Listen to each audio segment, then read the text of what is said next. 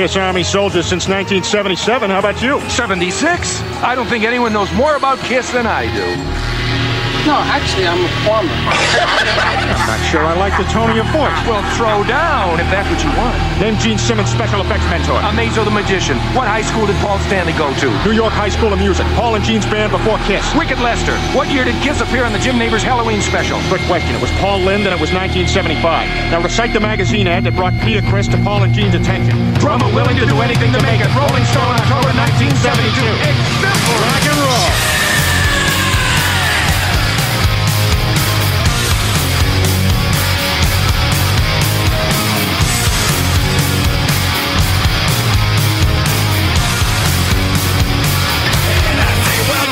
The show. Kiss Army! Your love, your power has made us immortal!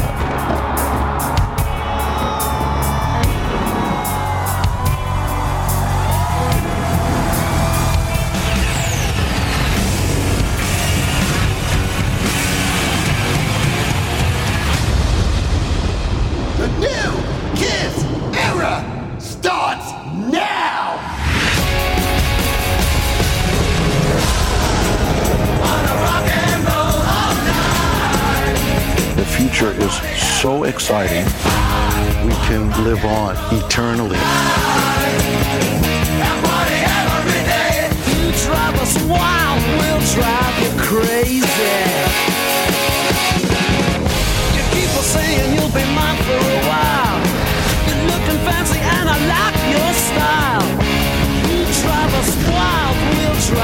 The band will never stop mm. because the fans own the band. You show us everything you got. Our shows are about joy. It's Levi's Kiss. Alive, I'm really looking forward to the future. we'll drive you crazy. We're all in this together. The band deserves to live on because the band is bigger than we are. Wanna rock and roll all night! It's going to be the best concert you've ever seen.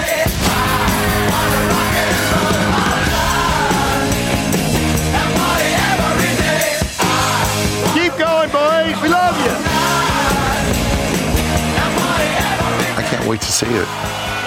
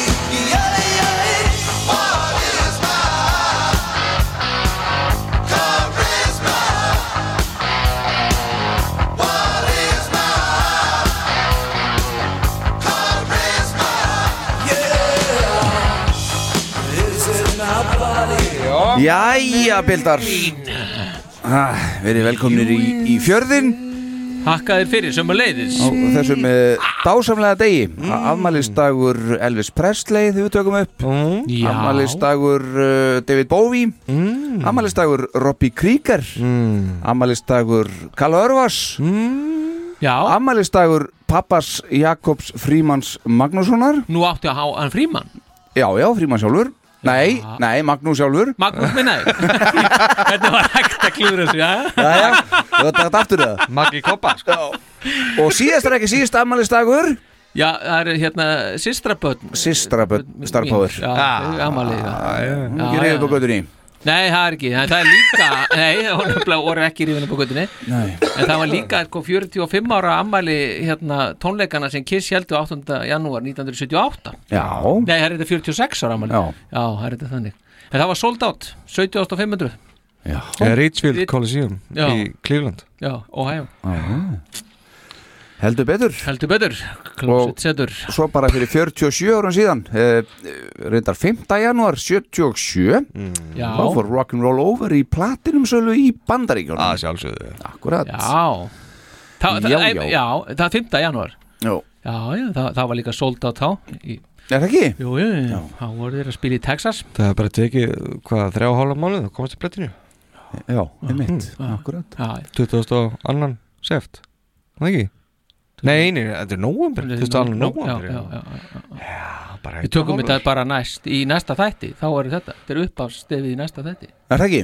Já, 77 þættinum Herðu, það er nú einmitt, er þið farin að vinna hann eitthvað? 77 Já, já, Já, já, já. Vinna hann mikið Þetta, þetta rennur allt sko. Fórsetið, þú er tölvulösi kvöld Já, já, maður verður að reyndi upp gamla takta annars lægi sko. Það er ekki einu sinni skrutta Ekki einu sinni skrutta sko. Nei. Mm. Allt í gott, hausnum, að allt í gott að vera svona frjáls annars lægi sko. Já, Já, gríða svona berbrjósta. Já, Þú ert ekki þræll tækninar, heyri ég. Ekki öllu leiti, nei. Herðu, ég ætla að fá að nota tækifærið bildar og hlustendur góður og, og segja gleðilegt nýtt ár. Já, gleðilegt nýtt Já, gleðilegt nýtt ár líka. Um, Þetta er hvað? Nú með hvað ár sem við förum inn í? Fymta ár ekki? Nei, ekki fjórða Nei, Nei, alveg. Nei ár, Nei, árgangurinn sko. Byrju, Ekki, Hvenær byrjuðum við? Það er það sem ég var að spyrja. Já. Ekki 21 Byrju, var ég ekki að pósta þessu um daginn eitthvað? Ég, Ég tengi- svo manna það ekki, má sjá. Ég held að Ég- það er fjórða sko. Byrju, hver, fyrsti þátturinn. Já, Hann er þarna verður nú gott ef hlustandi myndir hringin Jú, jú. Já, februar 21 að 21, já Já, Hva, hvaða fjó, ja, Þetta er fjórða. Já. Fjórði árgangur. Já, Sagði þið það ekki í pósturinn með Ég það? held það Ég nefnilega, þess það vegna sagði ég fjórði sko. Já, já, já, að ok. ég náttúrulega myndið ekki Já. En að því ég var ekki búin að lesa hann og, En það, það er magnað. Það er það er- gríðalega Alveg saman sem fjórir, fimm eða sex þetta, er, þetta er magnað afrek, myndi ég segja. Já, alveg gríðalega magn Við vorum stundum að, aðeins að bera okkur sama við annan podcast um aðra hljónsveit Já, Þeir eru hættir, þeir eru í útvarpið. Já þeir, fóru bara beint í, rock and roll bara. Já, Já, Gáðust þér upp bara á podcastinu. Þeir eru ekki svona góða hlustendur eins og við. Nei, það náði ekki nógu góðu flugi Þannig að að förum bara í útvarpi í staðin Já. Það hlýtur að ganga betur. Já, gerir það kannski Í línulega, Já, virkar ekki? Herðu, að uh, kynna okkur? Herri, já þannig líka sko. Ég heiti Alli Hergirsson Það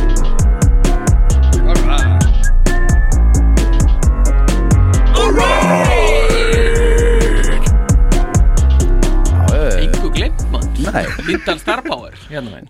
Ja, Nei, átti ekki, en það stefa kom undan. Ha, nei, þú ert að segja það núna. Já, Lindan Star Power. Öllu glimt Öllu glimt Hvorum megin fórstu fram úr morgun eina Punktrugljöður Og svo. Mjög gott. Síðast en þó alls ekki síst. Aðal Jónsson.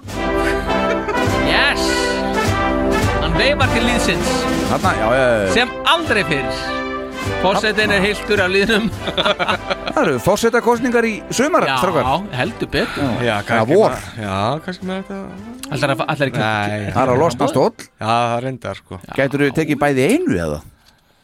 Já, blessa það góði sko. Það er eins og miklu aðstofamenn hann aðurglega sko. Já, já, Já, það sjá bara um þetta. Já, Fullt já, fullt aðstofum mönnum ég þarf bara að vinka sko Þú vinka bara. Þú kannt það. Heldur betur, að Hvað er, hvað er það í 84. sinni eða eitthvað sem hún veifar? Já, ég hef aldrei gert það nema hérna. Nefnilega sko. Já, það?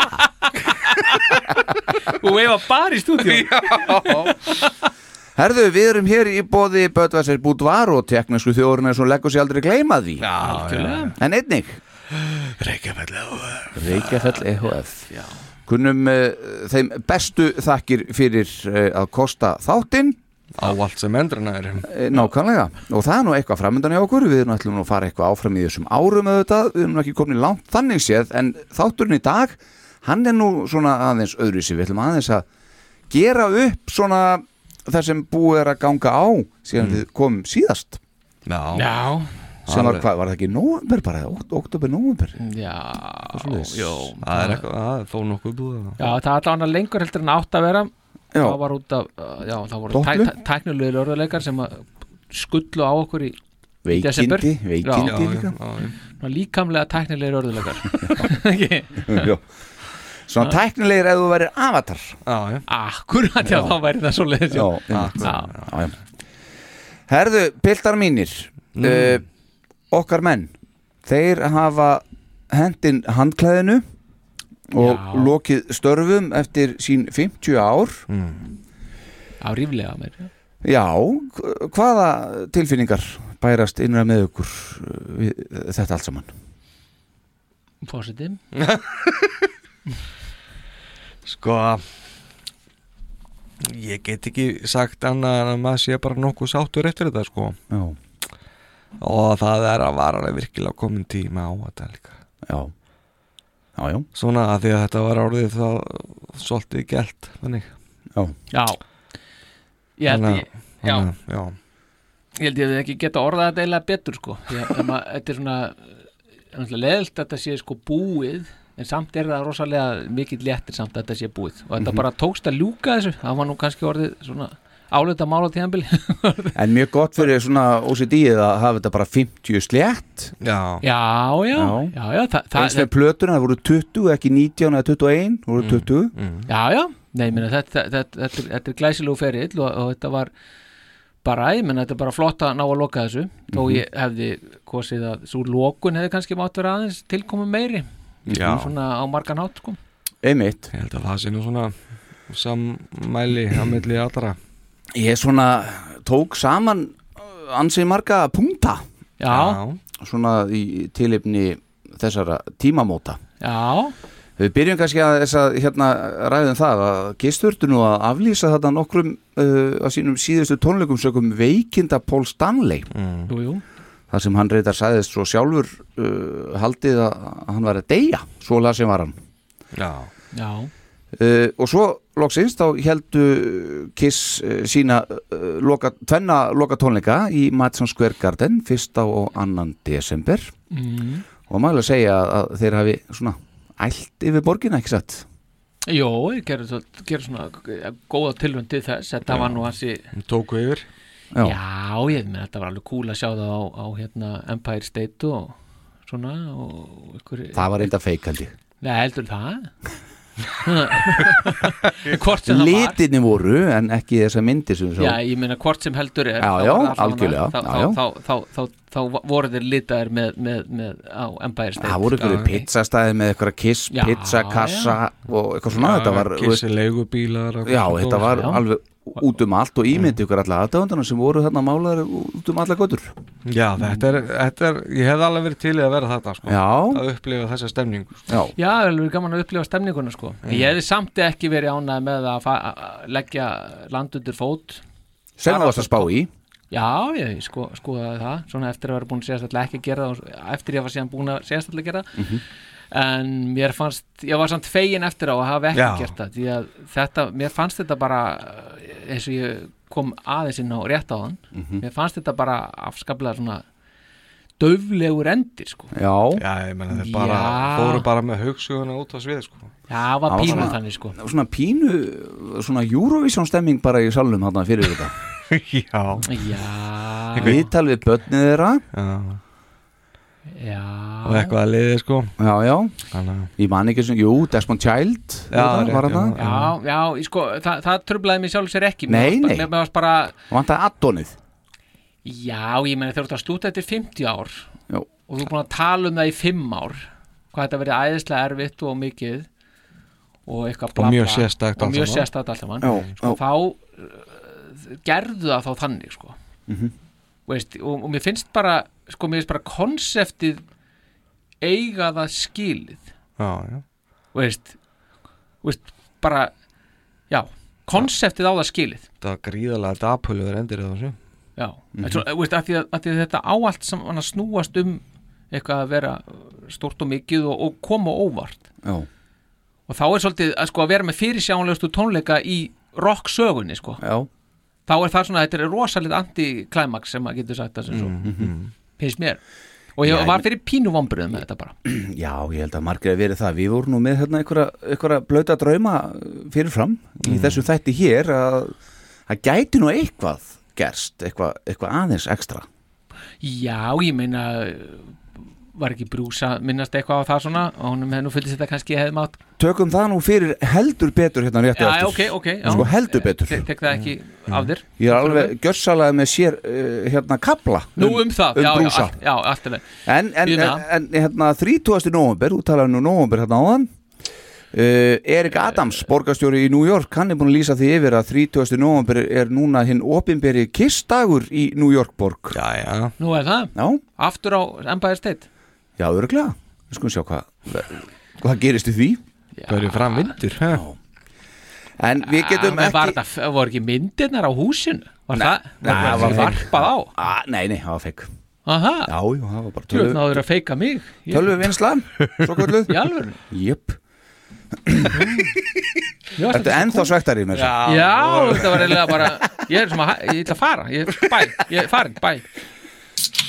Þarna, herðu, Pildar uh, Við getum nú ekki farið mikið lengra án þess að uh, nefna bara uh, strax hér þetta avatardæmi sem þeir kynntu.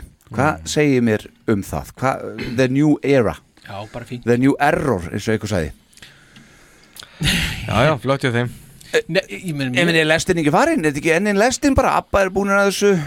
Elvis er að fara í tónleikaferla núna um Evrópu Loksins Já, tilkynna svo að fyrstu, að næstu tólnika verður 2027 af því að þá er tæknur nú góð. Jésu Lestin er farin, Pildar Já, það kom reynda aldrei svona skemmtilega og óvart að, að já, heyrðu, við ætlum bara new era begin, sko. Já, Eftir þrjú ár.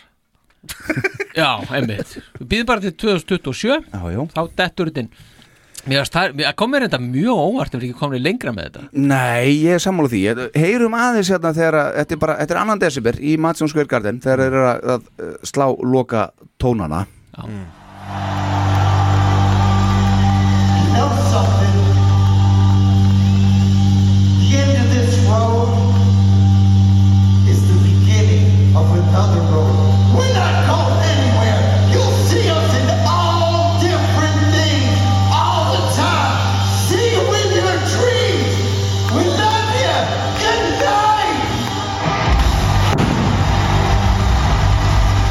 We are not going anywhere Nei, nei, er bara En ég man þegar hann sagði þetta Ég bara, ha?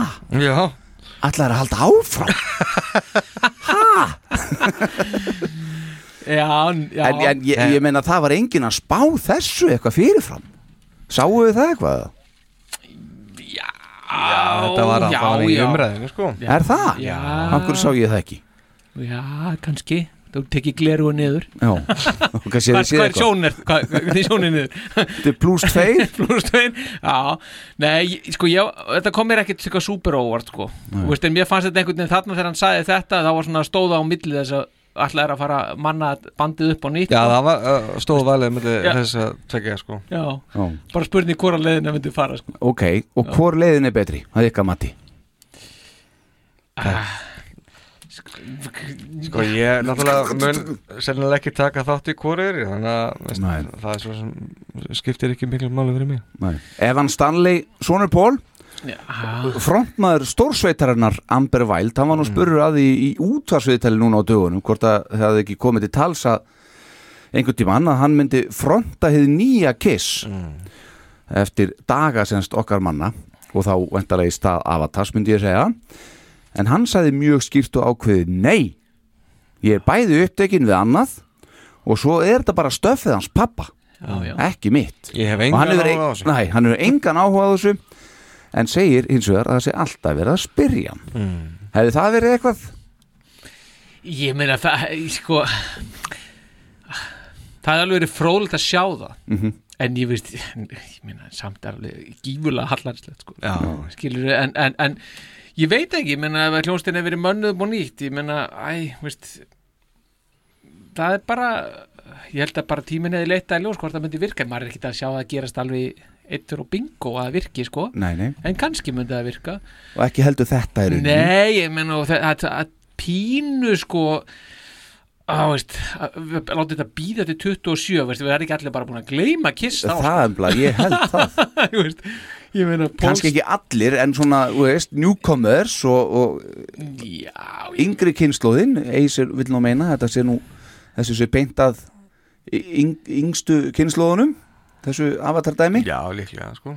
Já, nei, ég meni það getur náttúrulega vel verið bara endurfæðist þá, komið bara inn sem eitthvað glænýtt sko. Ma, Já, kannski, ég veit Sko, ekki. þó, þó náttúrulega túri bandi sér hætt þá þýðir það ekki að þeir sé- verði ekki duglega að koma sér í er og kynna þetta og alls Já, já. og verði með eitthvað dót, sko það, það er enda alveg rétt, þeir getur náttúrulega alveg dreigið fram hljóðfærin aftur Já, staðar. sko, svo náttúrulega vitum við það að menn eins og Gene Simmons, hann náttúrulega þarf að gilla egoið sitt svolítið, þannig að hann verður öruglega duglegri núna að mæta bara á ykkur expos og eitthvað svona láta aðeins skýla sig Já, eða bara setja saman eitthvað band og Já, menna það Þar hefur brúsi nú komið til tals. Það er Já, hægt að heldur koma, koma saman hann að þrýfjörðu og Revenge era Já, já. Kiss Já, þeir getur gert það þannig. Ég meina, hann getur líka alveg tekið eitthvað, eitthvað með Ace og eitthvað. Maður, veist, hann er ótrúlega Já, hann, er getur sungið unholy og þessi lög. Ég meina, það er ekkert mál fyrir hann. nei, hann var hann- ekki upp í raskati hann einhverstar Nei, hann hefði vit á því. Hann hefði vit á því. Gera það. Nei, nei, minna, hann, hann hefur sínt það áður og hann er til alls líklegur. Já. Solo-produktum En svo er þetta sko að því vorum að tala um þetta avatar við klárum það eins að, sko þetta er þetta visual effect fyrirtæki eh, í eigu George Lucas hins eina sanna uh, Industrial Light and Magic sem hannaði þessa Kiss fígurur uh, en svona Kiss þessi sjó í framtíðinni verða svo framkvæmd og gerð af þessu sænska fyrirtæki Pop House Entertainment Group sem eru eh, með ABBA sjóið í gangi en ég meina mér er svo skrítið bara að þeir hafi komið fram með þessar fígurur sem að greinilega er ekki fullmótaðar já, já eh, vegna þess að þeir fóru svo mjög fljótlega, sérstaklega Gene að afsaka það, það sko, við ætlum að eyða í þetta sko 200 miljónum dollara Já. og þetta er bara rétt byrjunin sko, þeir eru bara að sjá hérna sko promotýpuna sko Já, hva, hvað hafður þú langa tíma í þetta? Já, akkurat Já. Úst, Hvenær ákvaðast þetta? Já en það, það getur bara vel verið, það hafi líka bara verið einhver svona, bara á síðustu metrónum einhver, einhver, einhver, einhver lending þegar, hérna Ívan Stanley var búin að segja hann veist, 120 sinum nei, hann ætla ekki að vera tartjald nema veit það ekki því náttúrulega Pól hefur verið að halda þið fram að vera að láta manna bandið upp á nýtt Já, já. Um, já, ég var alltaf mjög hrættu við það en mér óraði aldrei fyrir þessu ég bara segja alveg eins og er. Nei, Nei, nei, mér finnst þetta Við hefum ekki drætt þetta í þessu þætti hér. Nei, nei. Það er að við höfum ekki verið með hennar þætti. Já, þú meinar Það hefur ekki verið, það hefur ekki verið vettvang til að ræða þetta. Nei, nei, Nei, nei, svona án grís það. En mér finnst þetta alveg, veist, þetta getur alveg verið skemmtilegt og, Mhm. og þeir sem hafa farið á Abba sjóið sem að ég er ekki meðal ég er ekki með þeirra þeir segja að þetta sé bara geggjuð upplifun og ég meina þetta náttúrulega opnar á allan fjandan Já, sem að getur gera, gert, gert hvað Getur sem er sko. allt í þessu. Já, sko, það er búið að koma fram nú þegar að að Kiss þeir verða gaggvirkir á, á, á sviðinu. Þú veist, þú veist, ef einhver myndi kalla upp á svið bara I love you. Þú veist, þá geti hann svarað, love you too. Já, já, og, veist, já, að- og, og litið áttina til viðkomandi og allt þetta. Já, já, já, já. og þá mun bandið ekki hreyfa sig eins á hverju sýningu fyrir sig. Nei, nei, þannig að þetta er alveg þú ert ekkert alltaf að horfa á bara sama myndbandið skilur Nei, ekki eins og maður rekka var kannski farin að gera bara á þessum tólengum hjá þeim núna, Já, sko, já, sem var bara orðið bara sama. Sem byrjaði alveg frá því myndbandu sem við sínt er að lappa upp á svið. Já, ég, hva, hversu gamalt var það? Tekið bara 2010 eða eitthvað sko.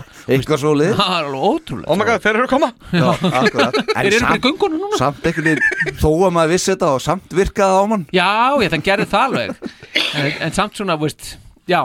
þetta og ég þetta, var orðið bara alveg ofbóðslega rútinerat veist, með allir virðingu fyrir þeim. Já, já. og ég skil vel að þeir hafi bara verið orðið döðleðir á þessu Mhm. að gera þetta.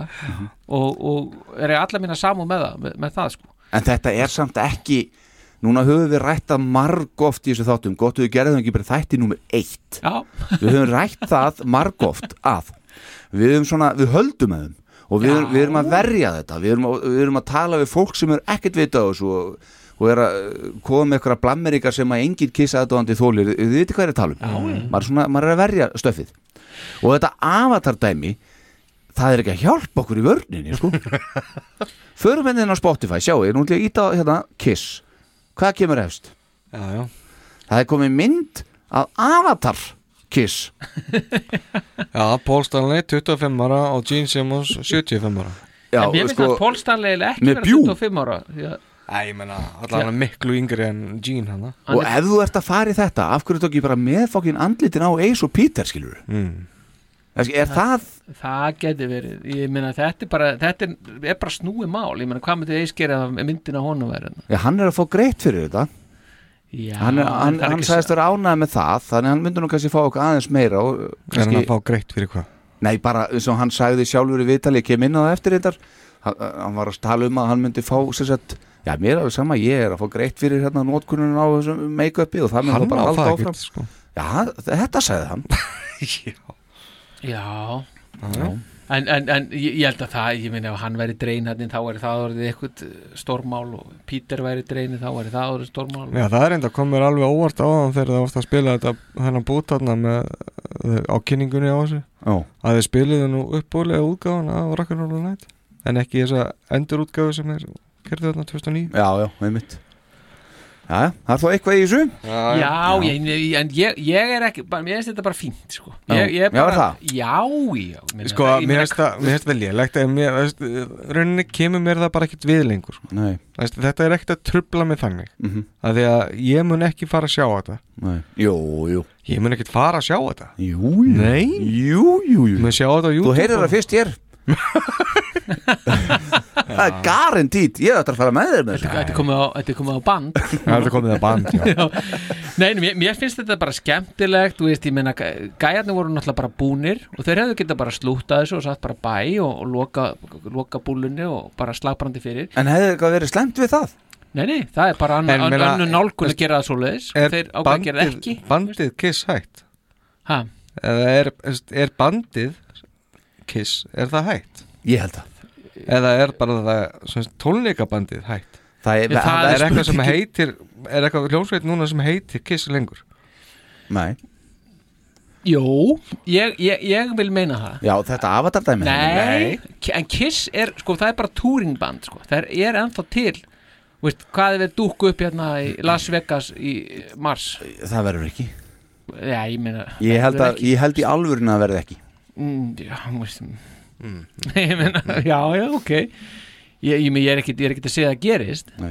En, veist, ef, ég myndi ekki ég, ég myndi ekki falli í yfirlið, sko, ef það gerðist. Nei, nei, Það er alveg fjarrið því. En þið, þið munið, við fórum á síðustu tónleikana í Evrópu þarna í Amsterdam. Mm. Já, einmitt, já, já sem voru, sem voru síðustu tónleikana í Evrópu það árið. Já, já. En hérna uh, En ef þú hugsa tilbaka þá sögðu þeir aldrei Þið sögðu aldrei að þetta væri síðustu tónleikar veist, það var ekkert um það en þeir, já, en þeir eru búin að tala núna sjálfur um Our final show ever Mm.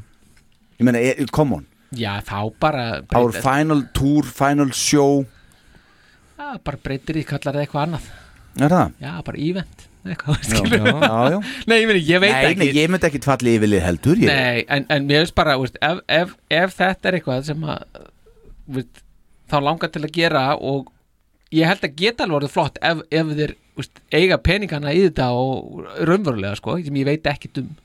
Ég veit ekkit hvað svona kostar Nei. og ég veit ekkit hvað þeir eiga mikið pening. En þá gæti þetta alveg orðið cool. Já, Gene segir þetta kosti 200 miljónir dólara Já, ég meina ég, ég veit líka bara svona tölvudótt sko, þetta hlæðs nú utan á þetta. Þetta er áætlun sko. Veist, hvað, hvað kostar borgarlínan, hvað kostar hann hérna? Já, að já, já, En núna erum við að horfa á, á Spotify fyrir hérna áhásam hlustundur, getið farin á Spotify bara eh, vantilega eru þar margir hverjir nú þegar að hlusta á okkur en og sé þessa mynd og við hliðin erum við að horfa hérna til þess á coverið á Dynasty. Já. og sjáum til hans augun á Paul Stanley ég meina þetta er svona basic atriði sem að, að það ætti í rauninni ekkert að klikka með þetta. Nei, nei, þetta er eitthvað allt annað maður og andlitsfallið á Gene Simmons. Ég- eiginlega best hefnast í maðurinn hann sko með að við þá sem er- eins og þeir eru í dag er Tommy. Mér finnst nú andlisfallið á, á R.A. Stanley á, á þessari avatarmynd vera uh, sko, hann er nú svona kinnarnar, hann er nú svona ég segi ekki að sé nú kinnfiska sógin byllis, en hann er svona það er, það slútan og frekar innheldur en út sko, Já. svo á dænasti sko Já. en þannig er bara eins og hann hafi bara sér bara með fullan belgin af, af jólasteik Já, og hvernig finnst þið þá alveg- Gene í samanbúrið við það? Já, ég meina þetta er þó bara eins og hann er svona, já, hann er þetta dálítið teigður einhvern veginn líka Já, já. Þetta er, Þetta er bara prototýpa mástu Já, já, já. Og hún kostaði bara 100 minnir já, ég, það, það, það, það er þetta sem ég er að segja sko. Já. það, það þarf að gera þetta ótrúlega vel Já ekki, ekki, ekki þetta kosti 100 miljónir og svo 100 miljónir viðbúið þá er það komið og maður bara, já ok. Mhm. það er þetta. Já, nákvæmlega. Uh, Það fór myndband á flug á dögunum, piltar. Uh, og þetta náttúrulega bara er uh, sjálfstætt framhald af þessu gerfi greindar dæmi sem við erum að horfa á. Það er ekkert það er, sest, það er miklu minna mál að blekja okkur aðdáðandur bara núna eftir að þeir eru orðin svona gerfi greind Já, já. þú þarft ekki nema uh, bara einhver klár tölvugur eins og Star Power til dæmis. Mm. Geti nú bara gert svona sjálfur bara með að taka mynd af þessu andliti og láta eins og í þessu myndbæti sér að tala sem fór á flug, Paul Stanley. Já. í loka árs 2023 þá kemur bara hann fram og tilkynning bara um uh, nýtt Kiss, Cruise. 2024 Já, já. og, Já, þeir, já, og þeir eru bara um borð sem Kiss Avatars og Soul Station myndi koma fram og eitthvað meira. og ég bara, ha? Nú, það, já, svo herri, svo kom bara ljósa þetta var bara feik, þetta var bara eitthvað aðdáðandi sem að bara, bara fokki okkur. Jesus. þetta er náttúrulega miklu auðveldar núna. Þetta var ekkit gerfilegra myndband heldur en við bara erum að horfa þá hérna. Nei, nei, Það fannst mér nei, nei og röddin var bara alveg eins og allt saman já, já, þetta var bara nákvæmlega Þannig Þú ert að sjá þetta? Já, þetta er alveg flóið fræja með Já, mér Vítavert herðu, já, já Já, já En að þegar ég er um Spotify þá, sé ég ekki aldrei þessar tölur Hvað stendur inn á því? Hvaða stendur á tölur? því? Þess, hvað er búið að hlusta mikið á þetta? hérna, Já, talandi um tölur það var Já. einhver sem postaði inn á hérna það var umræðhópin hjá bestu plötunni já, já. Það hérna e, þá var að tala um sko að hún hérna hvað heitir hún hérna íslenska sem er að gera allt? Já Laufey. Laufey? Já. hún er, hann vantar bara sko 100.000 eða eitthvað til þess að ná Metallica. Og þá við að tala um sko, já, á monthly listeners. Og þá erum við að tala um sko 25 er með miljónir 24,7 miljónir hún er með 24,6 eða eitthvað. Þeir eru hálfdrættingar. Já. Og Kiss, Félagar okkar, Kiss eru með 13 Já, ah, Getur fengið að heyra í löfið? það er annað podcast. En hins vegar, áður við höldum áfram ég ætla aðeins að taka eis fyrir næst en mér langar Já. að leiða ykkur að heyra eitt lítið hljóðbrot. Er? Þetta er svona spjall sem að Gene og Paul áttu við einhverja. Þetta er eitthvað viðtal held ég eitthvað. Gene er aðeins og, og, og Paul þeir koma aðeins inn á hérna. Þeir eru- voru í Wicked Lester og, og gerðu þennan plötusamning og, og svona, hvað tókuðu þið framhaldi? Mm. Gaman að heyra þetta, heyriði We were. We had a record contract. There was a group called Wicked Lester with five guys in it.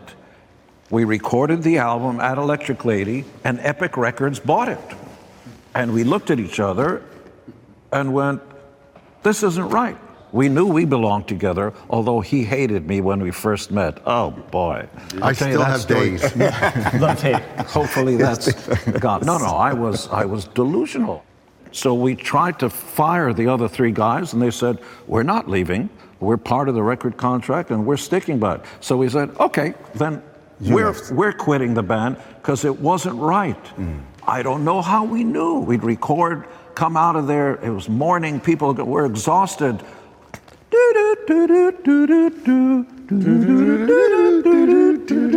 We would do- Is that the music you want to make? That's, by the way, that was one of the songs. Going, it ain't Led Zeppelin. It's not good, is it? We're going, no, it's not. And we got to start again. It's not right, even though we had a record deal. and it wasn't intellectualized. It wasn't us going, well, if we do this. No, we have to do this. It's in our blood, it's in, in our soul. We have to be Kiss. Once we knew we weren't Wicked Lester, we knew we were Kiss. Heyriði þetta En sko, þarna eru náttúrulega bara að tala um sko uh, þeir höfðu rétt fyrir sér þarna og núna hefa 50 ár liðið og heimurinn hann, hann hefur leiðið bara fyrir fótu þeirra Algjörlega þannig að sko af hverju ættu þeir að hafa rámt fyrir sér með Avatars núna? Reynda var lestin ekki farin þarna. Nei, en samt það voru tilbönd með make-up skilur við, það var hérna New York Dolls og Alice Cooper Alice Cooper og eitthvað. Já, þeir höfðu náttúrulega tækifæra til að taka það samt lengra sem þeir gerðu sem þeir, og, Já, og, og það, það er það sem þeir gætu gert með þetta Akkúrat. aðeins lengra en, en Abba og Elvis og þetta og þeir hafa, sko, getum sagt sko, möguleikarnir eru svo sannarlega fyrir hendi Nei, Það- já, svo, svo með ekki miskil heldur að þó ég segja að ég hef ekki rosalega mikið áhuga á þessu ég myndi, ég óska þess svo virkilega vel að þetta verði æðislegt og geggjað og allt saman Jó. Já. en já, það hafði bara ekki til mín sko. Nei, en, en ég myndi mæta alveg klárlega á þetta sko. Já, bara bera, bera ofan. Já, bera ofan. Já. Raka með bringuhárin Bæði? Oljubori Bæði. Já, ég myndi raka bæði bringuhárin Þannig að býtu, þetta fór býtu, býtu, býtu, þeim, býtu Já, þarna. Kom Ah, ég að Já, herðu. Já, en það er, all, það er alltaf djöfulli gaman að hlusta á þess að gauðra mann Já, sko. já. Ha. Þetta er stór skemmtilegt viðtalið Þetta er svolítið langt, þetta er hálf tími sem að Já, þetta er þarna það sem þeir eru voru að taka upp hérna, avatar dótið Já, Já, já. en þetta er mjög skemmtilegt og hérna, við kannski heyrum eitthvað meira af þessu á eftir. Það er hérna The Make-up og einhverju fleiri kablar mm. Ace and Peter, það var nú gaman að kannski drepa aðeins niður í því á eftir.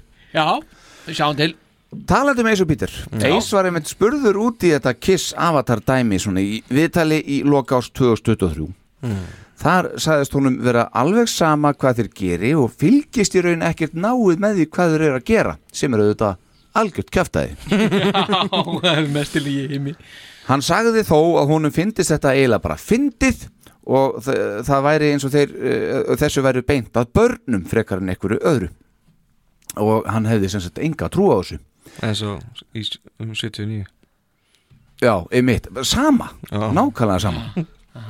Uh, Ok, en, en hann eh, fái þó greitt fyrir nótkun á Space Ace make-upinu og öllu merchinu og, og því væri honum svona slett sama. Þannig séð Þetta, eru, þetta er það sem hann sagði, uh, fórseti ekki berja mig. Kiss Company á réttin á þessu make-upi. Já, uh, en hann sagðist hafa séð eitthvað um daginn á YouTube að Gene væri strax komið með bakþanga um þetta avatardæmi. Þá voru væntalega að vitna í sko þegar hann er að draga í land og segja að þetta verður betra, krakkar, býðið aðeins. Til með það 200 miljón dólar í þetta. Og þreymur ára og já, í mitt. Og í sömu andrá þá sagðist hann hafa áhyggjur af Tommy núna sem þyrti þá að snúa sér aftur að The Breadline eða sem sagt fara í röð eftir lífsbrauðinu eftir að kissur að hættir sem yrði erfitt þar sem að hann gæti nú ekkert á gítar og síst af öllu gæti hann spilað í þeim stíl sem hann sjálfur eis skapaði en reynir svo mikið. Ace gefur nefnilega svo út sína næstu sólplötu í februar 2024 plötuna 10.000 volts. Og þá er nefnilega málið sko að ég held að hann sé að fá hann að sko nóg pláss fyrir sjálfan sig þá. Kannski pínu seint ég verða við ekki um það en hann fái pláss Kiss er ekki að þæglega svirir mm. þarna er hann Ace Frehley uh, founding member of Kiss og eitthvað Rock'n'Roll Hall of Fame inductee. Akkurat. Og, og hann er að koma hann að halda ykkur tónleika og hann er að keppa við avatars. Mm. það hljómar eins og barnaleikur í eirum Ace Frehley Já, sko, hann er ekki eins og að keppa við avatar hann er bara avatar sem er verið að reyna að búa til sko. Já, en þá í vinslu Já, það er bara í vinnslu, sko. En, en já. hvað finnst ykkur sem var að segja sem er Tommy og svona bara Nei, in the breadline er hann ekki vínekru? Jó, ég blessa eitthvað að hann þarf ekki að hafa áhyggjur eftir, uh, sem hann á eftir lifað sko Nei hvort það sé kringum kiss eða ekki? Nei, að því að sko svo gefur Ace þessa plötu út hana 10.000 volt og það verður gaman að heyra hana. Og hann hefur þegar hótað í að Origins 3 komi út svo bara eiginlega strax og eftir. Það verður hótað í Já. djöful og, og hvað finnst ykkur um það? uh, Ég hef nú á, Origins 3 Já, sko, þar játa ég mig bara ég hef eiginlega ekki skoðun að því sko. nei. Hvað, veist, mér, mér uh, ég veit ekki þeirri sérstakur aðdándi þessara þessara platna Nei. sem hann hefur sendt þessar Origin 1 og 2 Mhm. og ég minn ef hann vil gera það bara gerir hann það en ég ætla ekki að kaupa hana. Nei. Ég meina það er alveg frábært að sé nú að gera hjá honum. Já, já, Já, já, en þetta er það er það. Sama hversu gott það er sko. Það er allavega meira heldur en kiss gerir En svo að því að hann talar um að að Tommy sé að lepja döðan og sker þá langaði mig svona í tilefni áramótana Piltar, að taka saman svona nýjustu tölur uh, og skoða net worth okkar já. bestu manna Já, já, rétt, já, já, og raðaði þeim upp í réttri röð já. frá þeim efsta eða sem sagt ríkasta og til hins neðsta og það er fátækasta og nú ætla ég að spyrja ykkur hvar viljið þið byrja? upp eða niðri? Já, ef ekki byrja bara við uppi það er eiginlega minni hérna talaði í mikrofónin Star Power? Já, eða minn, minni hérna uh, minni spenna þar. Á topnum í þessu tilviki. Á topnum trónir Gene Simmons. What? Já. 500 miljónir dollara. Já. Bara 70 miljardar 70, 70 miljardar Já. Mm. Ma, Ég þyrfti ekki nema einn á myndi þetta dögum mér. Hálfan. Já, ég veit hann ekki. Herðu, Paul Stanley kemur í öðru sæti með Hann- 200 miljónir Já, ok. 30 miljardar Já, helviti verður hann náða, ekki náða að ávarta sitt pund nei, nei, en samt í þriðja sæti Já. vil ég gíska. Tommy Þeir Nei, ég, þetta er ekki bara alveg, þetta er ekki bara þetta er ekki alveg bara meðlimir sko. Ekki alveg bara ah, Desmond Child. Nei, þetta er Doc McGee. Ah. 45 miljónir, 6 miljardar Það er nú ekki allt komið frá Kiss og sem en örgulega megnið það í Uh, í fjórðasetti kemur uh, okkar Ok, elskaði Frehley já, Eituli og, og, og Mötli Krú Ace Frehley kemur í fjórða með 15 miljónir pund, uh, uh, hérna ekki Dollara. punda, dollara.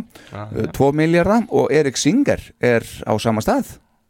Já, já, það er bara nokkuð vel gert hjá Session Trommarónum já, Bruce Kulik kemur einnig með 15 miljónir Nú er það 2 miljardar já. Er? Það Já. er- Þeir kemur eru óvart. allir þrýr hérna jafnir já, Við pönnukokubaksturinn og allt Þetta er gannig að tikka inn sko. já, þetta er eitthvað sem að Bruce er búin að halda eitthvað rétt á, á spöðunum sko Já, ég, ég held að hann væri bara ekkit endilega eitthvað frábær í frábærum málum Nei, Brús, svona á þess að vera ykkur sko að vera ekki á götunni nei, nei en hann væri bara svona, já, ég bara- en hann er,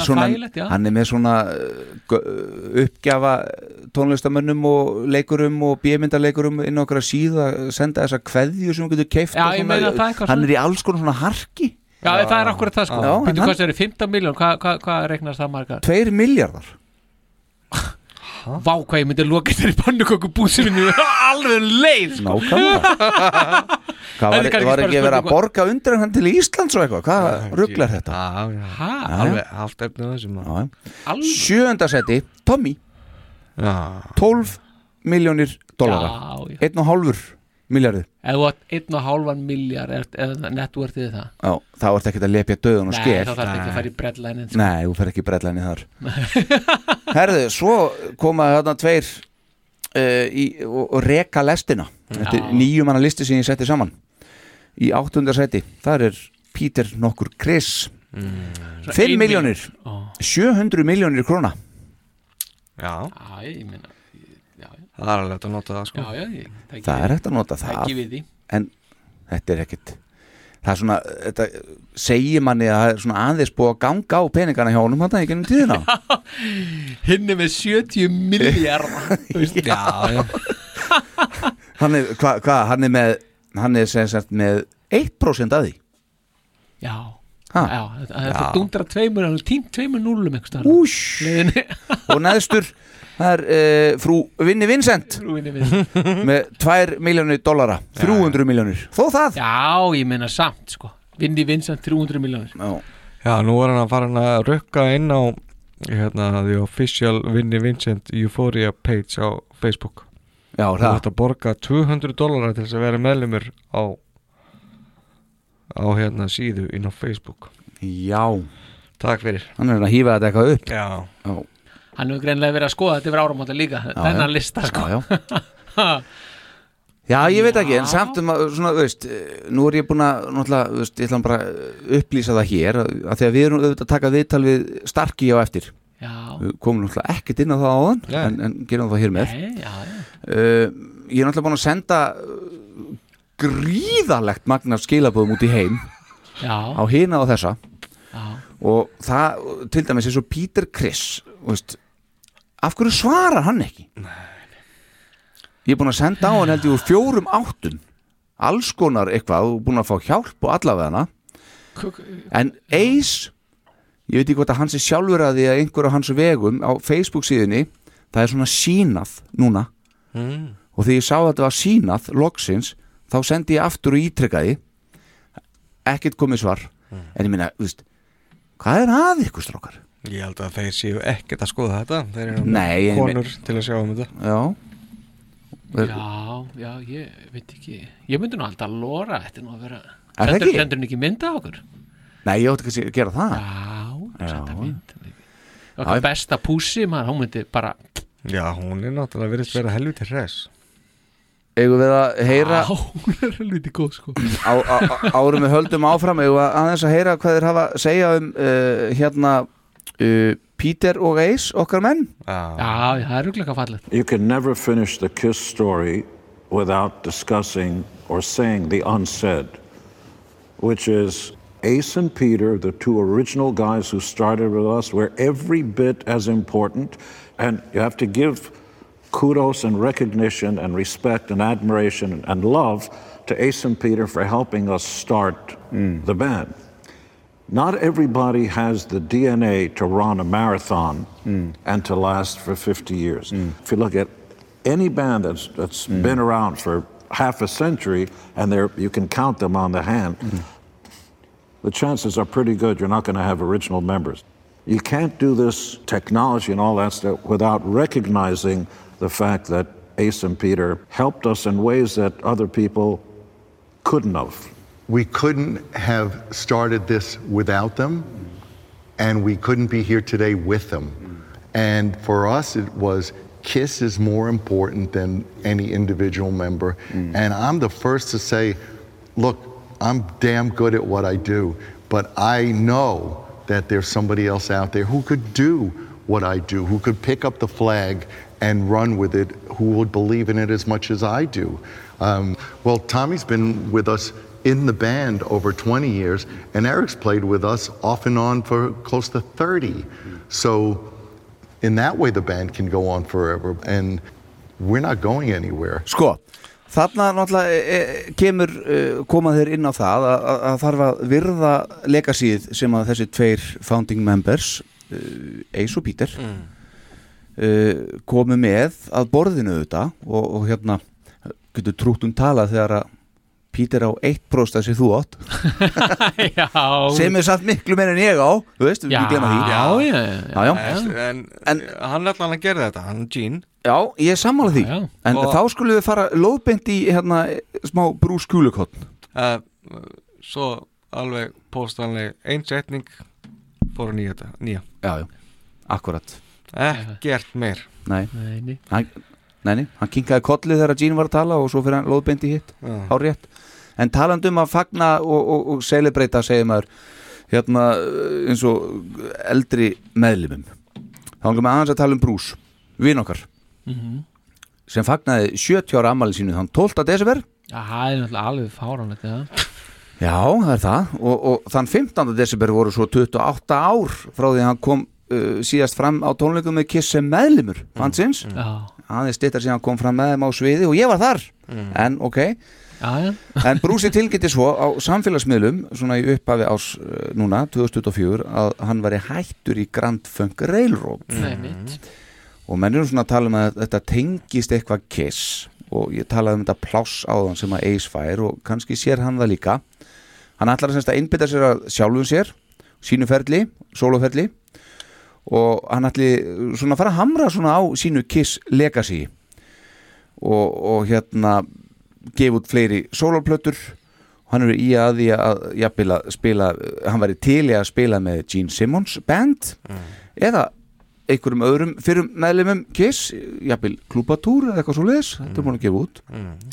En svo er það, það besta við þetta. Það er svona virðist vera að Bruce sé núna fyrst, loksins, tilbúin að svona tjá sig almennilega um Kiss og svona sína stöðu innan þessa bákns einhvern veginn. Að því ég sá bæði viðtal við hann í Ultimate Classic Rock tíma, tímaritinu og svo var hann einni í viðtali við kollega okkar hérna í Shout It Out Loudcast podcastinu. og þar fór hann mjög mikinn á báðum þessu stöðum. Og ég sagði bara loksins. Já, stóðu aðeins í fætum það hana. Já. Spynti aðeins frá. Orðin 70 ekki búin að vera að spila með Kiss núna einn er í 30 ár Allir þöggunar að, hérna herra. það er ekki? Ég tók saman nokkra punkta. Og honum finnst fáránlegt að aðeins upprunalegu meðliminir voru teknir inn í Rock'n'Roll Hall of Fame. Já, ég verið búin að fara yfir það. En hann var ánaður með að vera á staðnum og sitja við borðið með þeim þó það hefði verið pínu kjánalegt sagðan Mm. Og hann var mjög ánaður með að Tom Morello uh, hafði minnst á hann sem og aðra fyrir meðlimi bandsins í ræðunni sem hann held þegar voru teknir inn. Já, já. Hann segir að allir hefði verið að spyrja hann sennilega allir og amaðara hvort hann yrði ekki örglega í Madison Square Garden þann annan desember. Hann segist ekki það að vilja það. Hann sagði að hann hefði alveg getað ringt í Erik Singer og beðið um miða. Það hefði ekki verið neitt mál en hann bara vildi ekki vera þarna ef hann væri ekki í bóði Kiss. Ef hann væri ekki hluti af sem sagt, sjóinu. Það bara magnað að hafa ekki verið haft samband við mannin þó er ekki bara í þetta sofasett hann í upphafi Eða bara eitthvað. Eitthvað. Þetta er með ólíkitum en hann fekk samt bóð um að koma í eitthvað svona off-venue dæmi. Já, já, bara frá einhverjum öðru fólki sko. Já, já, bara- Ekki tengt kist þannig. Eins og bara með Kiss Cruise er alltaf Cruise Party og undan og svona, Já, bara já. svona off-venue dæmi. Hann fekk bóðið það ekki séns, hann bara, bara sá ekki fyrir sér að vilja þykja það Mhm. og uh, svo segir hann eh, sko, þó svo að lendingin hafi verið svo að aðeins þeir sem hafa verið í Kiss síðustu árin uh, hafi núna komið fram á lokatólingunum þá er hann mjög gramur yfir því að nafnið hans var ekki einu sinni nefnt á tónleikunum Nei, nei. frekar en annara fyrrum meðlima Já, þetta, bara svona, þetta fer í töðun á Bara engin Já. Ekki bíl á coin heldur sinni sko. einmitt. Og hann myndist á það sérstaklega. Já, já. Akkurat hann sé þó stoltur af því að gítarleikur hans hafi hljómað undir e, þegar að God Gave Rock'n'Roll to You voru spilaðir hann undir Avatars. Mm. e, sem að reyndar þetta laga náttúrulega e, hafa ekki nánast allir tónleikar síðustu ára enda á þessu. Jú, það er ekki til hann svona eh, fylltist stolti við það að heyra gítarið sinn hljóma í, í MSG þá. Mm. Uh, hann er vissum líka segir hann að mjög margir aðdáðandur hafi farið úr Madison Square Garden afar svektir eftir þessa tónleika. Mm. því það var ekkert auka. Nei, nei. Það er okkur það sem var. Og þetta, þetta er náttúrulega eins og ég Maður sá það bara þá maður var hérna upp á Íslandi sko og horfa á þetta. Það var eftir því líka vombriðin Já, já. Já, ég menna það, það er bara það, sko, það, það er okkur þetta sem ég segja sko, konseptið átti betra skýrið heldur en þetta Mhm. því að konseptið náttúrulega er ekkit bara þessir fjórir hérna, sem voru að spila og, Þetta og er bara kingja stolt við sjáum það bara best með þessu avatardæmi að konsepti er ekki bara það Nei, það, já, já, við sjáum það algjörlega og, og ég minna þetta er ekkit bara spurningum að rúlla í gegnum þetta hérna gegnum settlistan veist, í síðasta sinn, þetta er miklu meira en það Mhm. og þetta bjóst maður við því að þó að nú nema sko setja í tíu sekundur að varpa upp sko past members Mhm. Veist, eitthvað slíkt sko og eitthvað bara takk Tveir látnir, þetta gera eitthvað Já, smá meina- eitthvað, þú veist. Já, þeir hefðu getað slegið saman í eitthvað vídeo sem hefðu getað sínt svona ég meina, það hefði ekki þurft að vera nema 30 sekundur sko. Já, að þið Eh, segja sjálfur sko, við eigum ekkert bandið og tónlistana sko. Nei. heimurinn á þetta, Já, á þetta. já, einmitt. En af hverju voruð þið þá ekki að fullna þeim þarna? Þau hlustuðu ekki á neitt sko bara fullur að sér þetta það er pínum mitt teika á þetta. Já, það er svolítið þannig. Af- hinn, veist svona eitthvað sem maður reynir nú að verja þetta. Ekki það að ég, það sé risti nú mjög djúft þessi va- varnarræða. Nei, nei. Að, veist, en þá er það bara að, að veist, þú ert kannski bara orðin svo ógæðslega leiður á þessu sko. Mhm. Þú ert búin að, þetta átt að taka tvö ár en þetta tók fimm ár. Og eitthvað þú ert búin að vera veikur þarna eitthvað daginn máður eða nokkrum dugum áður og veist, þetta er bara svona, æ, fuck it sko. Mhm. og, og, nei, en, en Nei, veist, þetta er slöpp varnaræða sko. En það getur nú ekki verið sko Hvað er þú búin að hafa langa tíma til að undirbúa þessa tónleika Já, algjörlega, svo tökum við þambóli hæðina sko. Hvað ertu búin að hafa langan tíma til að gera þetta Ég sko? var bara veikur um daginn Ég, ætla bara að sleppa öllu þessu sem voru bara ákveða það var bara ekkert ákveðið nei, nei. Ég ætla Já, bara að hafa þessa tónleika og svo þetta avatar á tíendan og svo náttúrulega, ég sá það bara strax í, í, í hvað stemdi þegar ég sá ykkur, ykkur vikum, tveim vikum kannski, þremur fyrir þessa tónleika í Madison Square Garden. Svo ég viðtal við Brús Mm. og, og spurður hérna hvernig með, verður þú ekki þarna? Og sagði, nei, ég hef ekki fengið neitt búið allavega. Nei. þá hugsaði ég bara, að ok þetta er það. Veistu, Hann var líklegastur sko. Já, og ef hann er ekki búin að fá bóð og hann segir þetta svona í viðtali hvað er hann að gera? Hann er að kalla eftir bóði Já, já að því hann vill vera, hann vill fá viðurkenninguna á Auðvitað. já, einmitt, auðvitað en þegar hann var ekki búin að fá þetta hugsa ég, hann er ekki búin að fá þetta, hann er líklegastur þá er engi búin að fá þetta Nei, nei. en samt einhvern veginn held maður í ykkur að veika von já, já. Já, þetta bjóst maður við því að myndi eitthvað bara veist, pompa upp hérna, það kem eitthvað svona, hérna, svona unplugged moment hérna, Já, veist einmitt. Æ, við ætlum að taka á hérna upp, kom, kom allir upp úr gólfinu bara, Já, já. veist, eða eitthvað þú já, veist. já, akkurat Þetta held maður í voninni að því að það hefði verið meira kiss style sko. og það er eitt af því sem hann líka rætti um í þessu viðtölum hann sem að ég var að tala um á hann. Þegar þetta og þegar að, hérna, hann svo sá að þeir komu saman og hún var tilkynnt það svo búin að fara yfir þessu þætti áður. Hún er ekki tilkynnt að þeir eru núna allir upprunnulega fjórir og, og myndu að fara að stað við make-up og svona og þeir byggðu á hliðalínu og fengu eitthvað greitt. Svo sá hann bara hvað þetta gekk vel þá hugsaði hann bara, æ, motherfucker maður, djöfulli maður. Ég er aldrei að fara í þetta band aftur sko. Veist, hann er, hann er að tala svona og því að við aldrei því að við aldrei heyrt hann tala svona. Nei, nei, við höfum alveg talað um það líka hérna í þessu podcasti hvað hann hefur alltaf verið prúður. Já. veist, og bara svona, já núna bara er þetta bara I have nothing to lose. Já, hann virtist vera mjög svektu líka út í Doc McGee það sem hann sagði þegar að McGee var spurður akkur, hvort, hefði, hvort að þeir hefðu sagt saman við Bruce. Einmitt næsti punktur sko. Já, nei, þetta þetta er ekki neinn jam tólningar Nei.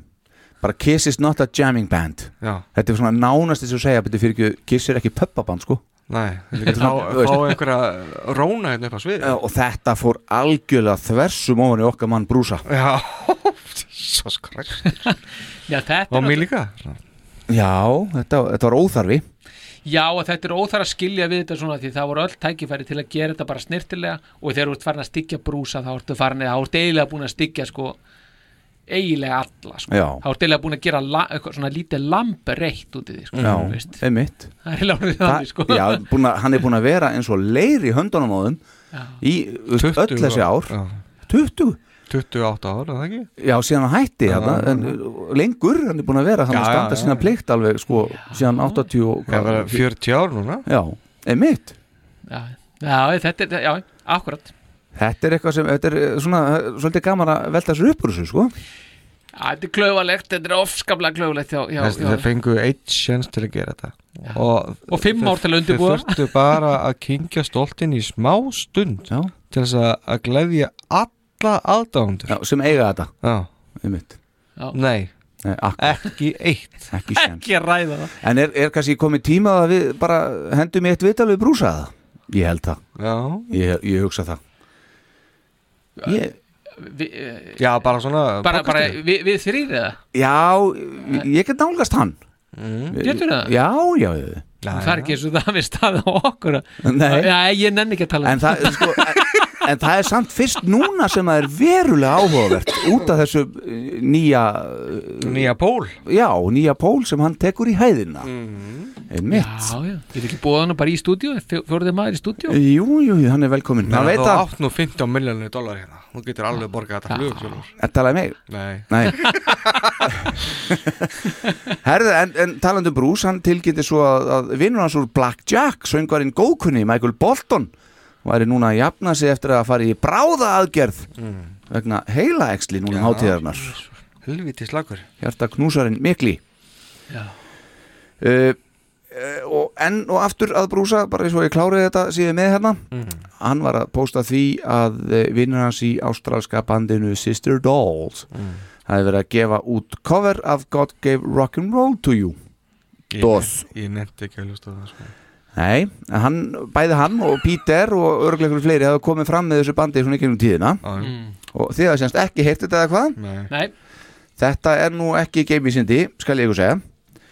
Sko, þetta er að nú hlusta þá eða? Já, það er, svo sem engin brýting þannig sko. Nei. En samt sem áður Má sjá, Er sem það er. Ha, Það er sem það er. Er sem það er. Ef að heyra aðeins í Sister Doll. Já, já, Gjör svo vel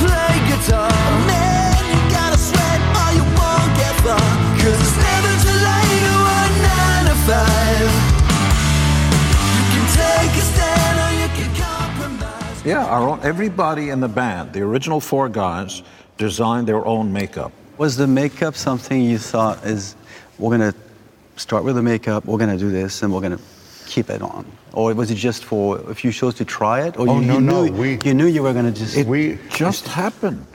We one day decided, hey, let's go buy some clown makeup, and we bought mirrors. It was fifteen dollars, and we put the mirrors against the wall, and every guy was next to each other, starting to put on what we almost like there was some kind of grand design. We were putting on the makeup ourselves and getting off. You know, it just happened. And maybe the authenticity and the honesty of some kind of maybe primordial connection to who we are. Mm. Because I know if I put on red lips and a star the thing, I wouldn't be convincing doing that. Mine took longer to come up with. I wanted to be someone I wasn't. Hmm. You know, I grew up being a little chubby kid, not very popular, and I wanted to create a rock star. I wanted to create someone who hmm. other people are going to go, gee, I should have been nicer to him. Hmm.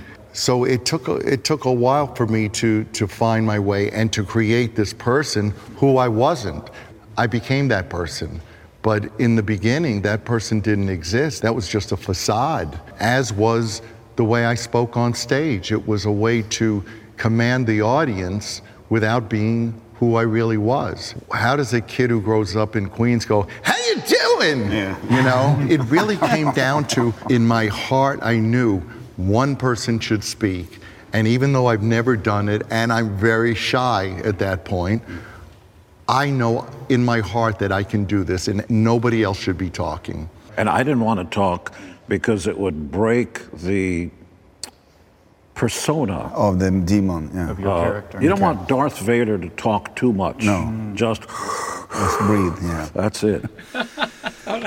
Einmitt Já, já, það er gaman að hlusta á það og ég hef nú alveg viðkjöna það Já. Svo er spurning hvort að þeir eh, kannski komið til með að breyta eitthvað svona sínum talanda eitthvað í náni framtíð svona eins og ekki kannski á sama hátt og brúsi en svona, Nei, það ekki sko. heldur ekki. Ég allan á ekki svona múna á því. Nei, einmitt. Ef maður fer inn á kissonline.com Já.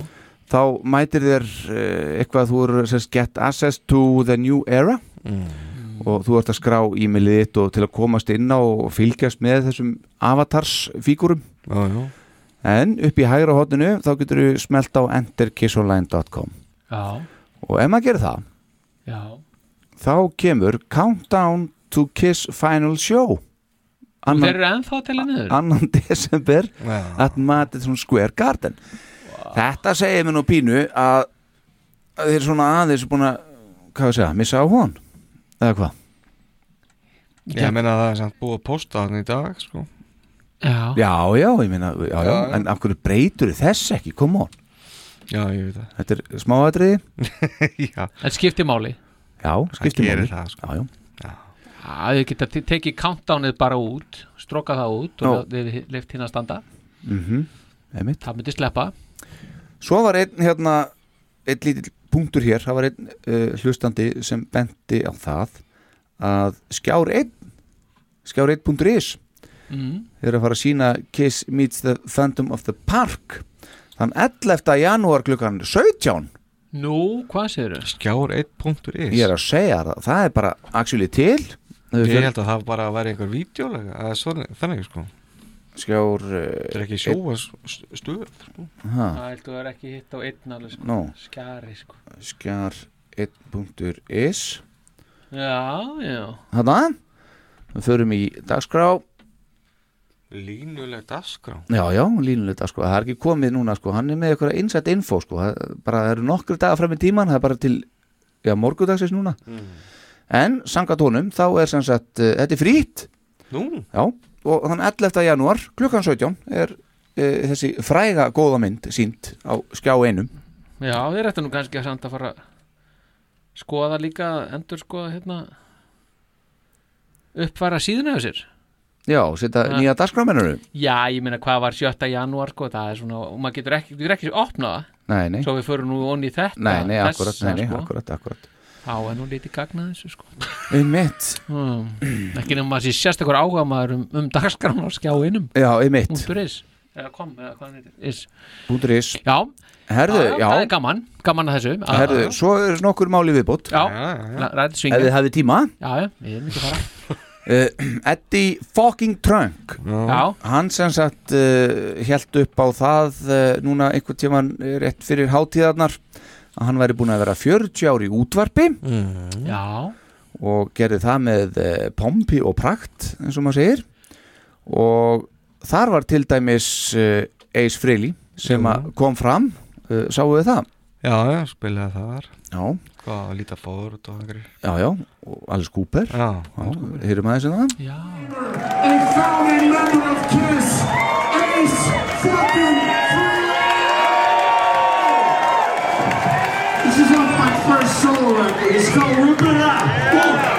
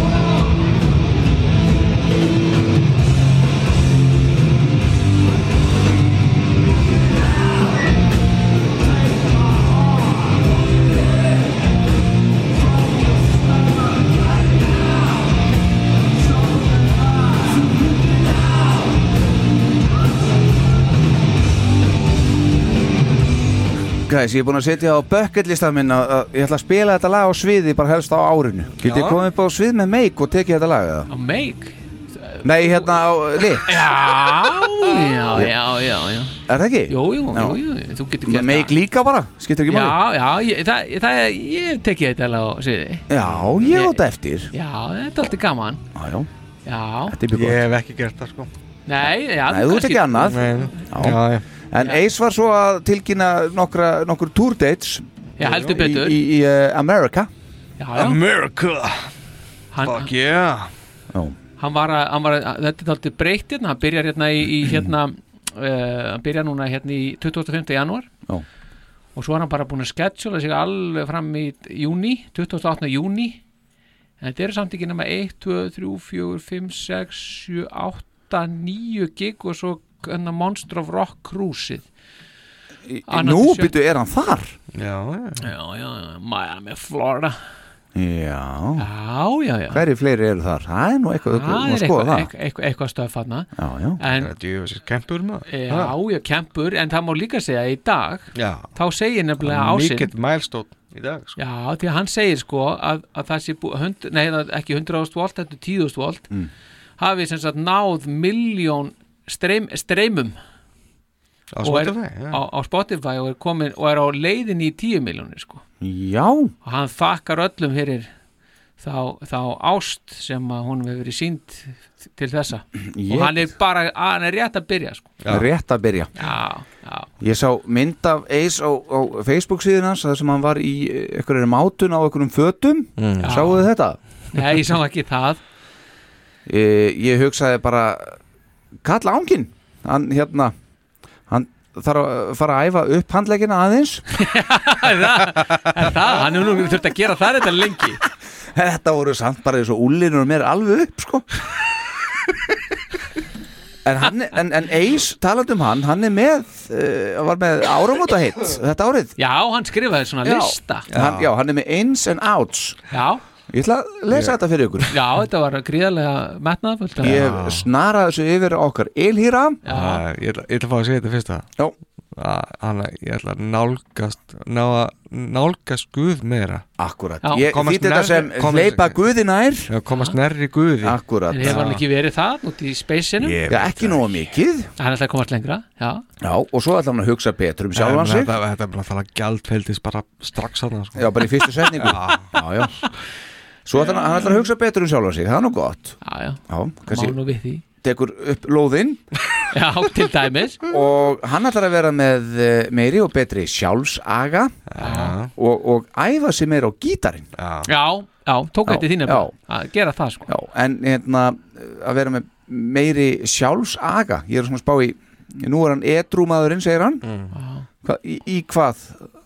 Ég veit ekki hvað það sé Hvað hann er geta og dæmis- eitthvað Kannski að fara og, og lifta lóðu Já, Ætla hann ekki ekki að borða eitthvað hotlara Jó, að þið, já, já, hann ætlar að eða meiri tíma með fjölskyldunni Já. og ætlar að einbytta sig að því að einblýna á allt það jákvæða Já. Þetta, er- þetta er fallegt Þetta er allt saman ægi Sammála Já. En átjó honum, út með þetta Já. Mm.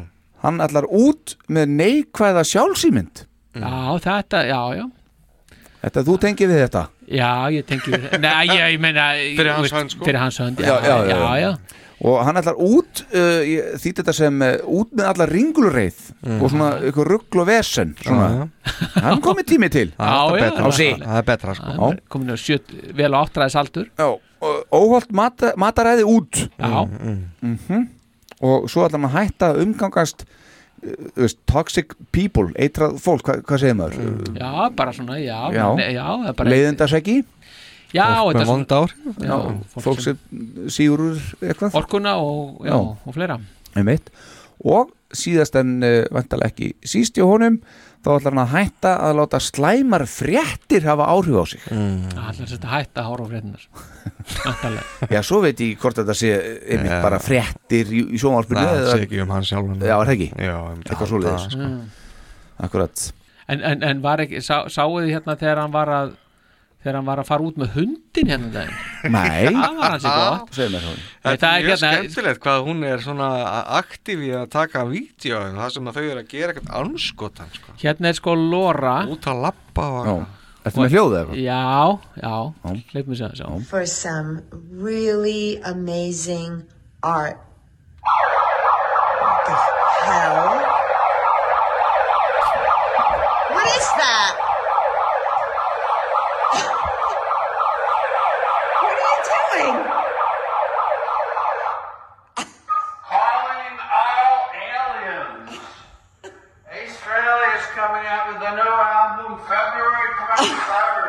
But I'm going to take Chewy for a walk.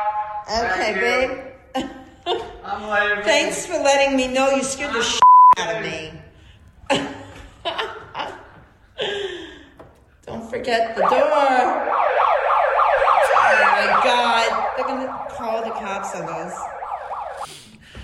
Hann lokaði ekki hurðinni sko Nei. Hann gæti ekki gert það Það er Bara Hann alltaf steiklegt. mikið rockstjarna. Alltaf mikið rockstjarna En ég held að hann hafi varla kunna á hennan hérna þetta gjallar hann festi einhvern veginn takkin Já, í já. það er fínt Alltaf hefði verið dauðafærið þarna að taka smá session úr hérna.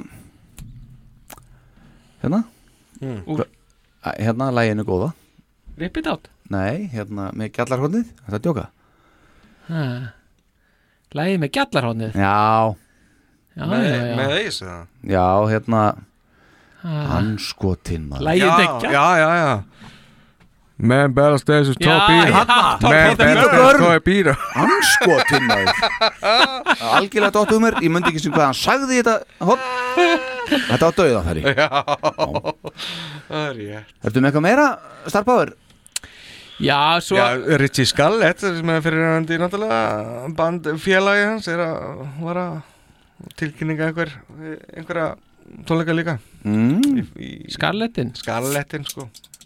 Bara ein- einhverja þrý, fjóri í, í Flórida sko. Já, Ég viðkennir reyndar að þegar ég sá þetta um daginn þá var ég nú svona farin að efast um að, að, að herra Freyli væri nú alveg um hæfi hans bara til bara, að já, vera á lífi. Hvað var það? það er þetta hérna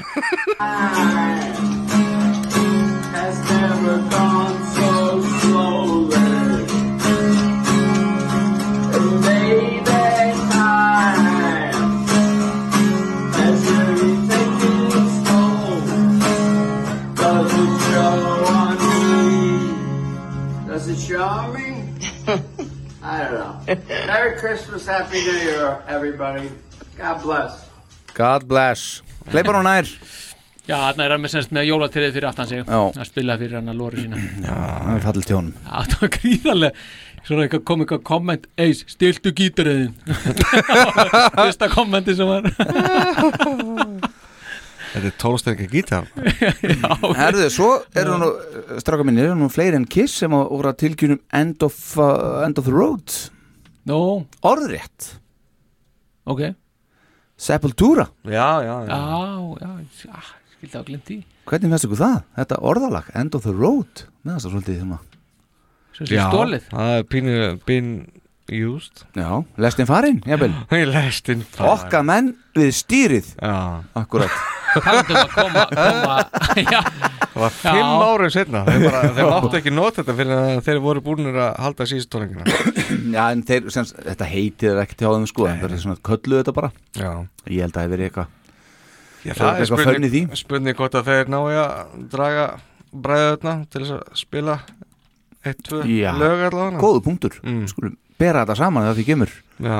Hvað þeir gera Það er náttúrulega verður að vera Já Fyrir mér er það náttúrulega bara, veist, kavalera er náttúrulega alveg sepultúra uh, Já, svolítið mikið Heyrðu, ætlum við ekki að tala um hana Laufeyju líka? Laufeyju? Nei, Þessi. Nei, við erum búin að því Nei, ég var ekki allir að koma inn á hann aftur Herðu Þetta er í öðru podcasti Þetta dæmi, sko. ég skildi sniðina Þetta var kiss-taking Herðu, Ah. Piltar, næst ætlum við að heyra í William Starkey.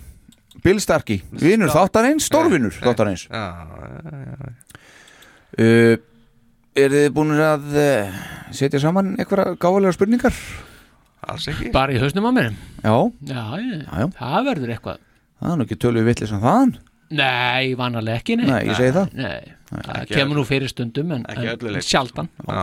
Afskaplega sjaldan En Óþægilega sjaldan eiginlega. En erum við ekki að tala um að við ætlum að við þurfum ekki að fara í svo sem svona byrjun á þessu öllu saman með honum við erum búin að gera það Já, þetta verður bara með öðru sniði sko. Já. Nú er ekkert verið að tala mikið um Kiss Army þannig síðan Nei. Þetta er bara svona Kiss og hans svona Já, tilfinningar í dag Já, hann með sá, ég held að hann að ná að sjá síðustu tónleikana áður en að Paul Stanley laðist í flensu Já, já. í Indianapolis Já.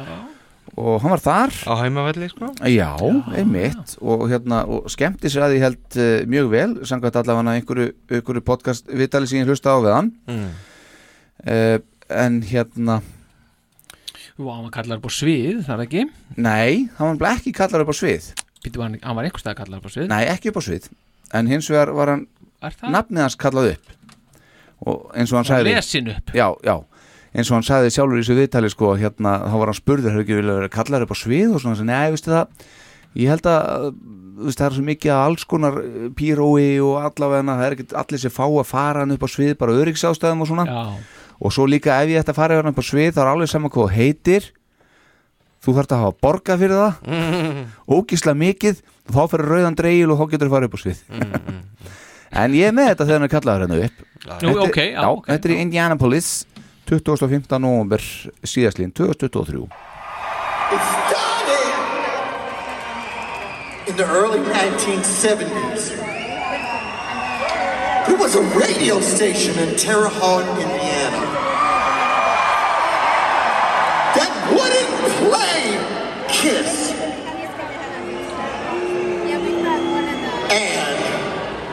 An amazing young guy, because it just takes one young person with a little bit of balls and independence to make things happen.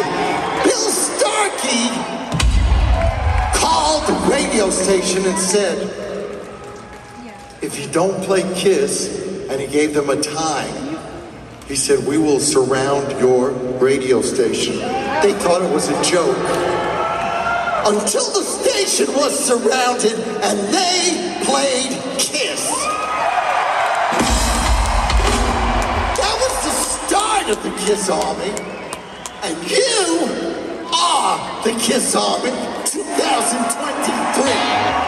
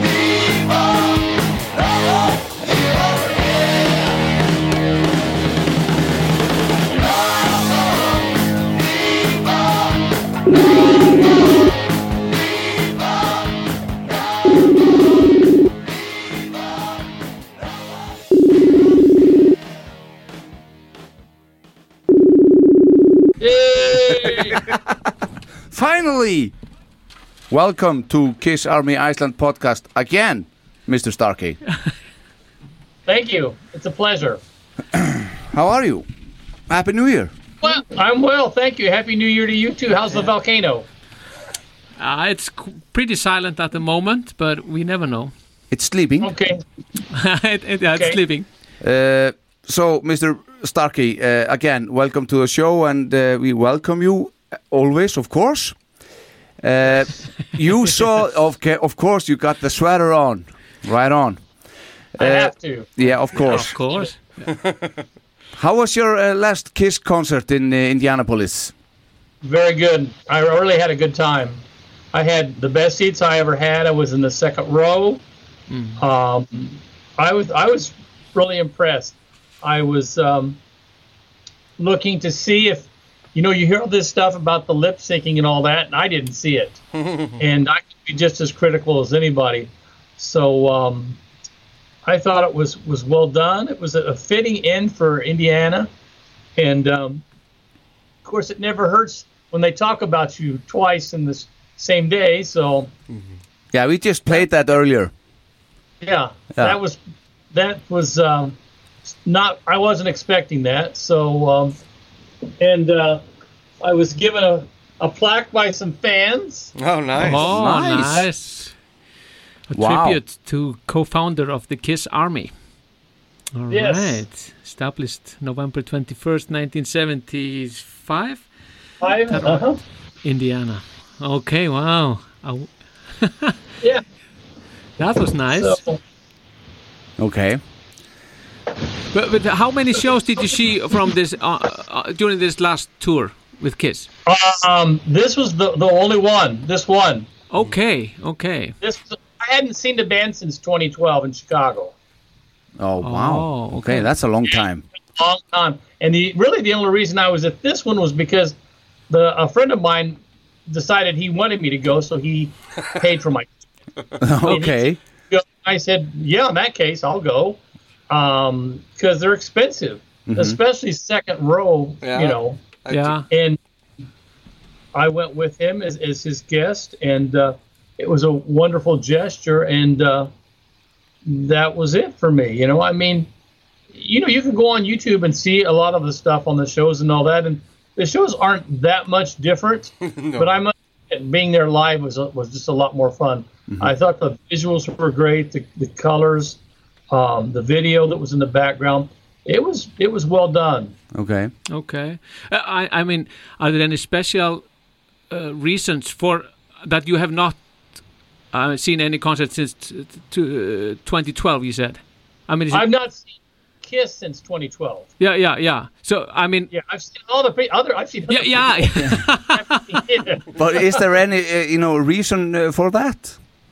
Um, the last time was in 2012. Was Tommy Thayer got me the tickets, and uh, Tommy was really nice, and he he um, he mentioned to me that he could get me in, and um, matter of fact, he got me into three shows that year, in uh, Cincinnati, Indianapolis, and Chicago, and that was all in 2012. And Chicago was um, the last of those three, and you know it, it was it was uh, something that that uh, not everybody gets to do. So I I took him up on the offer, and, and that's what, what it was. Yeah. Backstage passes too.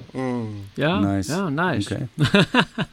Yeah, it was a But- nice. It was nice of him. But Paul, uh, did he know about you in the crowd in, in Indianapolis? Or Um, I think here's what I think happened is uh, the, the the gentleman that made the plaque gave the plaque to them backstage early in the morning, and um, he had contacted Doc McGee and said that uh, he uh, thought it would be kind of cool if the band presented me the plaque, probably during the sound check when it's a lot less, you know, congested. So um, if you look at the video, um, I think Paul didn't necessarily think that I was going to be there during the sound check. So I was the one that yelled out when he when he said the Kiss Army was started by, and I said, Bill Starkey. Some other people said it along with me, and um, then I think you know I, I you know I think he, he realized I was there, and, and I liked his funny comment. He called me an icon, and then the the funny part was he says, "I can't believe you're here." so you know, um, ne- it's neither here nor there. I mean, there's been times that I've just not been able to go to a lot of shows, um, and and that's just you know like the Kiss cruises are very popular. I've never been on one because it always happens when I'm at school. So uh, that's that's why. But um, yeah, I I think Paul knew I was there because I think he probably saw the plaque. Um, but I mean, I will say this to brag to all all three of you. Um, a lot of people were disappointed that nobody was mentioned at any of the shows, yes, but I, I was mentioned. Yeah, yeah, yeah. we just talked about.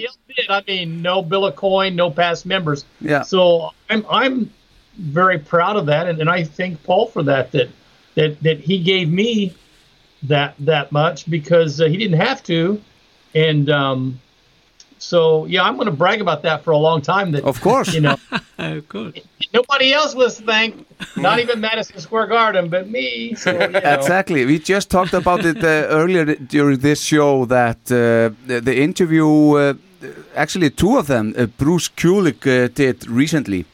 Did you see that? Yes. Oh yeah. Yeah. So he is he finally is uh, you know speaking up loud about his feelings towards the band. Yeah, well, I don't know if it's a feelings towards the band. I think he he felt that there should have been something at the end, and and and I understand that. And um, you know, he's he's a wonderful person, a class act. I've always enjoyed doing expos with him. I'm glad he spoke up, but you know, it's Paul's band, or at least I think Paul's Paul's um, makes the last word, or he has the last decision, and if you went to the show thinking something else was going to happen, I don't have any sympathy for you because I didn't think anything was going to happen.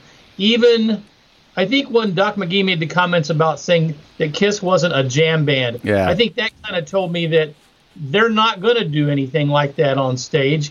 And, and like I said, uh, that's why I don't feel, I don't feel upset for people that were upset the fact that they expected more of the show. I mean, I Bruce's point was there's more to history than what they did, and he's truly right. But how would you put that into a show? I mean, mm-hmm. when Kiss did their A and E documentary, they were lucky to squeeze it into two hours. I mean, to me, the the past of the the whole history of the band, I don't know how you could put that all together. And you know, the Kiss show is scripted and it's scripted very well. Ja. And I don't see how they could have done anything. But I guess since since maybe I'm a Paul Stanley guy now, um, not that I always haven't been. If if you don't play by the rules and you can't do what needs to be done for it to come off well, then I'm sorry you can't be be in the show. Here's the thing with Bruce. How would have you guys felt if Bruce was there and other people weren't? Yeah. Then it's kind of half done, right? Yep. Unless you can get everybody there, or at least as many people as possible, then it's just not going to work. But I'm I, th- I think like Ace and Peter, they did, just didn't get the invitation. I I I think that I don't know. I, I'm not going to get into an argument about whether or not they did or they didn't.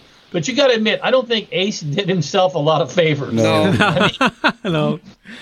And you know, and, and I can see Paul's point of view there. You know, I mean, if I'm going to have to put up with that, let's just do the show and and, and we're done. Mm-hmm. Um, but see, I don't think Kiss is done anyway. I mean, I mean, I don't think. I mean, as far as touring with the makeup, yes, and a tour, but I don't think they're done. I think that they'll do some things for the fans, and then maybe then they can encompass all these other things. But how would it have been if like Bruce showed and Peter showed and Ace didn't show, or Ace showed and Peter showed and Bruce didn't show? You know what I mean? Or and some people want Vinny. So mm-hmm. how are you going to get all four of them there to please everybody? I mean, somebody's always going to say, "Well, they they left out this person, they left out that." So you know what? It's easier to say thanks to the fan club guy. Goodbye. Okay, yeah, yeah. Okay. So, so, so, so, so, what you're saying is, is that I mean, all of them or none of them. That's your Pretty point. much. Yeah, yeah. And, and like I said, you guys agree with me. Ace probably wasn't making things any better for himself. No, not really. I I really never believed, and when I saw them in Indianapolis, I knew that that was pretty much what everybody in New York were going to see. So I didn't really think that anything was going to do anything any different. You know, other than you know maybe they could have showed a video montage or something. That there was always a possibility of that, but um, I don't know. But you know what? I was disappointed during the Rock and Roll Hall of Fame ceremony that Yeah. they didn't play together then. But I also understand why they didn't play. Mm-hmm. But you can always take that chance, get up there, and you know if somebody messes up, they mess up. But you know, just make sure you don't mess up. Mm-hmm. Mm-hmm. So I don't know. Maybe it's because the Kiss Unplugged thing went so well that you, we fans hold out that hope that if they did something like that again spontaneously, everything would fall into place, just like it did on on the Kiss Unplugged MTV thing. And it just, you know, so like I said, I don't have any bad feelings about any of it. I I'm glad Bruce Bruce spoke up, and and he should speak up because, you know, he has a faction of Kiss fans out there that uh, are behind him, and and they would want him to speak up. But um, you know, it, it is what it is, and and uh, but I don't think they're done. I mean, I, I think they're done as far as the makeup and everything. But there still could be like a Kiss convention or something like that, and and some other chances where everybody could could uh, you know come together. But again, I, I, I mean, do you really think? I, I really don't even think Peter wants to be out, out there, and I think he's very happy with the way, the way things are for him. And and I don't know what Ace wants, but you know he can't keep you know doing the things he does and expect to get you know in good graces. No. So and, and I don't know where Vinny's coming from. So Nobody Bruce does. is Bruce is probably the only one that was the, the easiest to, you know, Approach, be a yeah. team Yeah. a team player. But then what happens if Bruce shows up and then Ace doesn't? I guarantee it. we hear the same comment. Uh, well, I'm not happy because Bruce was the only one there. You know what I mean? Mm-hmm. So it was just if nobody just showed up. You know, I mean, yeah. So this is kind of a, a, a, a mission impossible. well, unfortunately for these guys, yeah. But you know, somebody made the point of saying the same thing happens with Van Halen. Mm. They can't get everybody together to agree on anything either. Uh-huh. So, I'm not blaming Kiss. This is just Yeah. this is just musicians, people, Yeah. and, and you know, egos, and, and you know, being what it is. But in some ways, I'll say this much: they hurt they hurt us fans when they don't when they fight like this because you know we would all like to see them you know up there at once, but we we understand that it's just not possible all the time. Yeah. But but what does it mean to you that that Kiss as a touring band is is done? Oh, I'm very, very disappointed, very sad, Yeah. very melancholy feeling. I mean, I um, it, it's it's some. I mean, when you're an 18 year old boy, you see them, and then now you're a 67 year old man. Yeah. It, it, it's something you kind of grew up with, and you always knew it was always going to be there. I never stopped being a fan. I, I probably wasn't as intense a fan in, in some times as I were as another time, but you know, I mean, it, it's it's it's it's not a happy feeling. But I remember this one saying that I saw on uh, social media that I, I probably would use, and which would say, um, "Don't be sad that it ended. Be happy that it that it was." Exactly. and, Of and course. that's that's probably the way I look at it because we have all kinds of videos and things like that at Artifacts where we can enjoy. I mean, I've been up on stage with the band several times, and I'm that I can. It's amazing every time I think about it because they just don't let people do that. no. That's like a Joe Schmo from the crowd. I mean, yeah, you can get up there if you're Joe Perry or or Rick Nielsen or or Bruce Kulick, but I'm just somebody out in the audience. So mm-hmm. when you get to go up there and do that, and you get recognized as being a fan, Part of the history. cool. Yeah, it's pretty cool. I mean, mm-hmm. I have students that Google me, which is pretty funny. I mean, they, they have some questions and they say, Mr. Starkey, I put your name into Google and I got all this. And I said, it's true, you know? Yeah. yeah, it's kind of amazing. And then you say because they ask, uh, so you know Kiss? No, Kiss knows No. me. Kiss knows me, right? I'm an icon, remember? icon. Yeah, but did you watch the uh, the final show at uh, Oh, Madison yeah. Square Garden? Yeah. Absolutely. I had a lot of friends there. Okay. Okay. I had friends there, so I was I was watching it. Um, I, I, I but I really didn't think anything was going to change. I, now I was surprised by the Avatar thing. Yeah. Uh, but um, other than that, it was you know, it was what it was. You know, I mean, uh, I thought maybe there was a crazy thing that maybe uh, somebody like a like a Dave Grohl from Foo Fighters would show up. Somebody like that. I thought there would be a better chance of that than any former members. You know, I just, you know, I didn't think anybody was going to come as a former member, but I thought maybe you know other musicians might show up. Maybe Yeah. Yeah. more more that than than other Kiss people. Because they had these interviews before the concert with the with the kids and Desmond Child and, and some other people. I mean, uh, good opportunity to you know bring on some of the past members. That, that could have happened, yeah. But of course, they have to come there to you know be on there. Yeah. And like I said, how would it be if I'm sure Bruce would show up, but what are you going to do about the other three? And I mean, like I said, I'm really not sure Peter even wants to be there, and that's fine. I think he's he's pretty much satisfied with everything's the way it is with him right now, and that's, Yeah. I can understand that too. Mm-hmm. Yeah, mm-hmm. yeah. Okay. yeah. but you were quite lucky because you you saw them uh, before Paul uh, he, he got the flu or something uh, right after your Yes. concert. Yeah. it made me very nervous because um, I think we were all following social media by the hour, and um, I know some people in Toronto didn't get their show, and I think some people in Nashville didn't get a show. So um, I, I don't know that this is necessarily true, but I wouldn't be surprised if Paul sucked it up just for Indianapolis and said, "You know what? Come hell or high water, I'm going to be there." And uh, you could kind of tell that he was maybe a little bit under the weather during the sound check, Okay. but overall, I like the sound check as much as I like the show Yeah. because they're just stripped down and they're playing. Mhm. There's Yeah. no pyro. There's no nothing has to be synchronized with the lights or anything because it's just a jam. It is a jam band. then. so, so, so I, I really, After all. I kinda, it's kind of funny to feel that way, but I could have been happy if they would have just played 90 minutes just Oh, just yes. as the um um As a jamming band, yeah. as as, as the um, the sound check band, and of course people criticize, say, well, they they play the same five songs. Well, yeah, but they're very tight with those five songs. I mean, you know, they're they don't uh, miss a beat, and it, it sounds great. And you know, like I said, I enjoyed that enjoyed it, that as much as I did the show. Mm-hmm. Uh, so, um, you know, Yeah, it's a nice experience.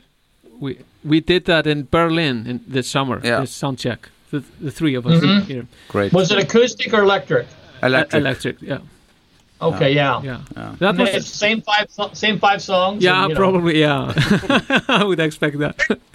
there wasn't a lot of stage banter. I mean, I know they do a Q and A at the um, at the um, uh, sound check. They didn't do much in mine, but they, they didn't want it counted where the guy says, "Who started the Kiss Army?" And, you know, that's that's when that started rolling because that was about the only thing they did. Well, I think Paul did talk about how many times they had played Indianapolis, which was which is interesting. Um, but you know, the, the the first time I saw Kiss was in Evansville, Indiana. So um, Evansville had a lot of Kiss shows too, and they're and it's it's not a very big city at all, but um, it always worked when Kiss played there. So yeah, I think Kiss. I think Paul kind of sucked it up for Indianapolis, and um, uh, he actually cut his finger during the show, which was kind of wild. I mean, I don't know how he cut it, but um, we were taking pictures, and you could see the the blood coming from his finger, and he just kept playing, and uh, eventually he was able to get a band-aid on it or something to stop the bleeding. But um, he played pretty good. I mean, um, that was like three fourths of the way into the show. I think at one time, I think he even showed it to Gene or Tommy or something what had happened. But um, don't know if he cut it on a string or a strap or what. But it was- The it was kinda, Band-Aid. kinda, I mean, that was that wasn't lit, that wasn't synced at all. I mean, that was the real deal. So you know. Yeah. But yeah, I liked my show. I liked. Um, I think I was more surprised by the colors and the visuals, and um, I mean, even compared to the last time I saw them in 2012. I mean, like here's a good example. Like when they're playing something from Rock and Roll Over, Hmm. you see the Rock and Roll Over logo from the album behind him, and it's spinning and doing all kinds of. I mean, it was the little touches and things like that, or or the close-ups of Gene when he was uh, doing his bass solo and the and the and the the blood and all that. Um, they just seemed to pay more attention to detail on that kind of stuff, and you know, which made it in really well. The, the lights were timed well; they were like lasers, and um, yeah, it was definitely a lot more fun to be there than to watch it on YouTube or anything like that by far. And like I said, those were the best seats I'd ever had it for a rock concert. I've never been second row for anybody, Okay. so I was second row middle for Kiss, was which was a good good way to to, to end it. I think for that for Indiana. Well, to end it, yes, but let's talk about the uh, the avatars. I mean, uh, yeah, what's your opinion of, of that matter?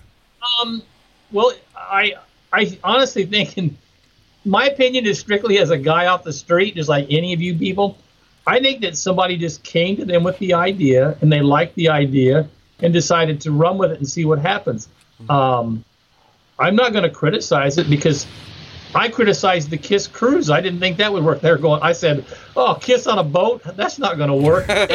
for 20 years. So I, was, I was wrong about the Kiss cruise. So the avatars, it, it might work out. We'll see.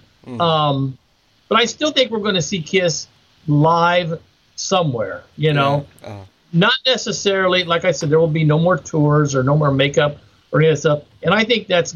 I mean, I'm happy that they're home and enjoying their life and their families and kids and and um, I hope that's what they're able to do because this tour has been going on since 2019. Yeah. And the more I just think about it, I thought, man, it must have been pure hell to go through all this and then the COVID protocols and all that. And, um, you know, it, it was a tough tour. So I'm, I'm kind of happy that it's over for them, at least in that respect. And, you know, we'll see. The Kiss fans are still crazy. I mean, I can't believe people are calling for Kiss expos and conventions. People just can't get enough of it. So I think eventually they're going to have to satisfy that. You know, when they did their own conventions in the 90s, I thought those were really cool. Yeah. I mean, you paid $100 and you got to be with them for eight hours. Yeah. I mean, nowadays, that might be what? five or six hundred dollars. Yeah. But it was still a lot of fun.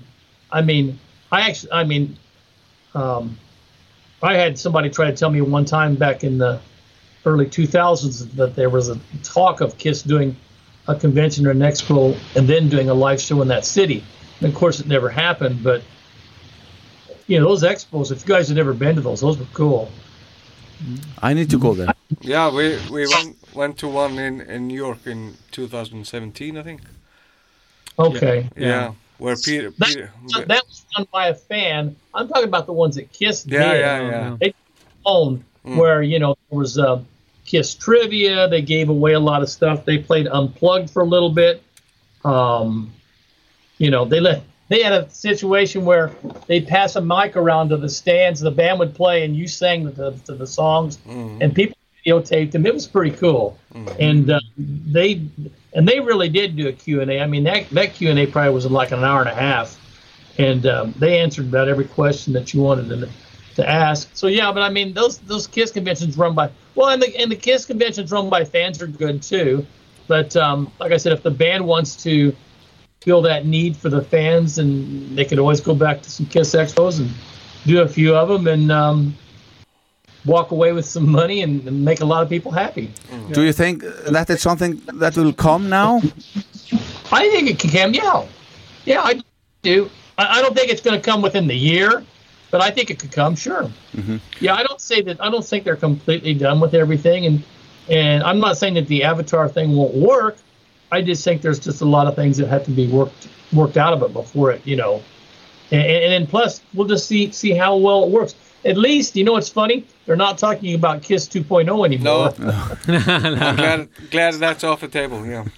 So that's off the table, and so who knows? So 2.0 is not being talked about, and and um, maybe the Avatar is the, the the the thing that will replace that. So we'll just have to wait and see. Uh, are you interested to attend such a show with with the avatars? hmm yeah, Yeah, yeah. I would. I want to keep an open mind. Like I said, Yeah. I was wrong about the Kiss cruise. Yeah, yeah. I mean, uh, that's not going to boats and Kiss. That's not going to work there in the water. Come on. So uh, yeah, I'm, I'm I'm always going to be attentive to anything they try to do. Yeah. Uh, I, I- I'm never going to say never. Um, now, Kiss 2.0, I don't know. And then again, I, probably would keep an open mind about that. I mean, because there are some good Kiss tribute bands out there too. Yeah, absolutely. But the, I mean, the opportunities for, I mean, what they can do with these avatars are just, I mean, limitless. Th- It is limitless. The only problem with it with me would be that um, I'm not really into the superhero kind of thing. I was always into Uh-huh. Kiss as a musical band. Yeah. And like I said, that's why I liked their their sound check probably as much as I liked their performance because I was always into the music part of it. So if they would have to lean more towards the music side of it than the fantasy side, maybe I don't know. But you know, I've always said this: Kiss came too early for MTV because they were such a cool visual band. If they could have gotten into the thing of, of doing rock videos like other bands did, mm-hmm. they could have done some really incredible rock videos because, like I said, they were a very visual band. But they came before MTV, and by that time, you know, it was kind of it wasn't quite the same. Mm-hmm. And then, really, by then it was the '80s hair metal bands, and and Kiss had taken off their makeup, so it just wouldn't have. It was just bad timing, you know. But mm-hmm. but I think Kiss could have done some really well. I mean, think about it. I mean, I, I think they've done some videos with the makeup on, like they did for the Elder. Yeah, But- yeah. But that's about it. I love it You loud would- uh, also. Yeah, I Yeah. love it loud. Yeah. Uh, I was watching an interview uh, you did with uh, podcast Rock City uh, now in December. Yeah. And you mentioned uh, that uh, Netflix should uh, approach you and uh, to do some uh, episodes or movie about uh, the Kiss Army. I I had a, a relative of mine who had some connections. So you have been she- approached. She suggested that that I keep my YouTube thing going because she said that Netflix is always looking for content, hmm. and that kind of made me motivated me more to keep my YouTube thing up to date and current as possible and easy to access because you never know somebody might go through there and and may, may not necessarily be a Kiss fan. Like I've always said, you don't have to be a Kiss fan to enjoy the story of the Kiss Army because it's just one of those bizarre stories that that just just if you're a kid that grew up in the 70s, you kind of appreciate because uh, all the things that happened, you know, like um, the Kiss Army didn't start overnight. It, it was like six or seven months of strange, crazy antics. And so, yeah, I I, uh, I would hold out hope that um, who knows, maybe Netflix might be looking for content. But I've also had people tell me that you're better off doing a book because a book gets recognized before anything. And I've had too many Kiss authors kind of discourage me from that, saying that um, it's more more trouble than it's worth. And, and not that they didn't like what they did, they just probably thought that it wouldn't be as as difficult as it was for them. So I don't know. So that's my that's my motivation for keeping my YouTube site out, and I want to tell everybody out there to go check it out. There's all kinds of stuff up there. I mean, Yeah. uh, I get questions like, "Well, what does the radio station look like from WVTS today?" And you know, or or who, what is Rich Dickerson doing now? The, the disc?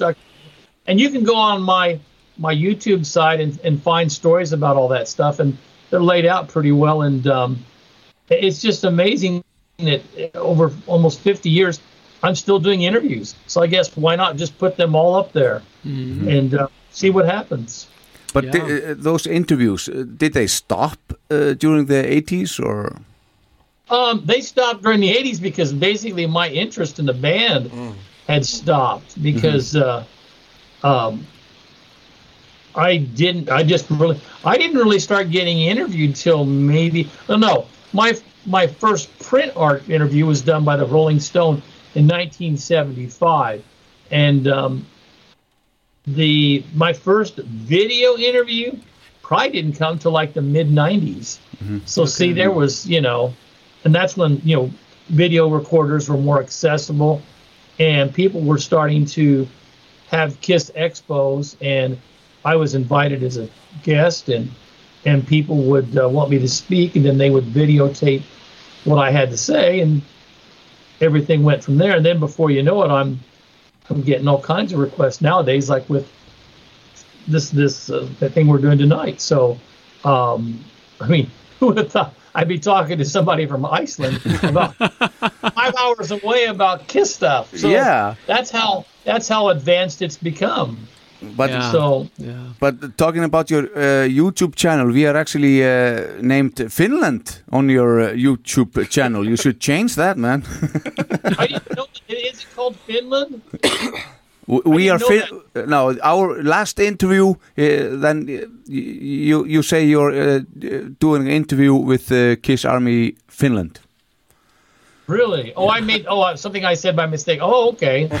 because I have the logo up there as Iceland. I know. I have the logo. Everything else is correct. Okay, I'm sorry. No, So because I've I never made my talked to anybody complaints. From Finland. never talked to anybody from Finland. I don't know. Maybe there does. There probably isn't a Kiss Army Finland. Yeah, it is. Yes, there is. Yeah. Oh, is there? Okay. Yeah. So there are armies everywhere. I guess there are. I've not talked to Mexico yet, though. so since the the, the, the mid 90s uh, you have been just doing interviews regularly or or uh, uh, it it started with the reunion thing and or or the uh, you, Expo yeah, thing, the expo thing yeah Pretty much started with the reunion thing when people started doing their own websites. Yeah. oh yes okay yeah Yeah, people started doing their own websites, and um, I got to congratulate. Um, there were two guys. Mike Brandvold did like one of the first Kiss websites called Kiss Taku, and then eventually Mike went to work for Kiss. Yeah. And Steve Steerwalt did um, a really cool Kiss website called um, Kiss Freaks, which I always thought was neat because it took a humorous side to um, Kiss. And those two guys kind of helped motivate me to come out and be known more and I guess be more accessible. I know Brandvold took me to my first KISS convention and he said, You got to come to this conven- convention. And I said, What is it? And he said, It's just a bunch of fans that are KISS fans.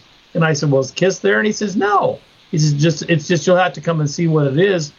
and I went with him and Steerwalt to uh, Chicago, and it was my first uh, Kiss Expo.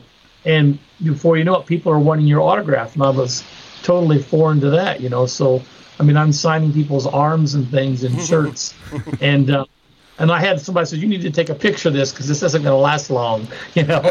so, I mean, yeah, that the once the social media stuff started coming up, then all of a sudden interviews Yeah, of course. Yeah. started coming out. But you know, the, the newspapers lately are starting to do a lot because uh, I never, I always never could figure out why Terre Haute didn't really totally embrace the fact that they were the home of the Kiss Army. I don't understand, never, never could understand why. So ev- eventually, their their local TV and newspapers had started to you know do things with me and all that. And of course, those things are up on YouTube as well. Mm-hmm. Yeah, yeah. Yeah.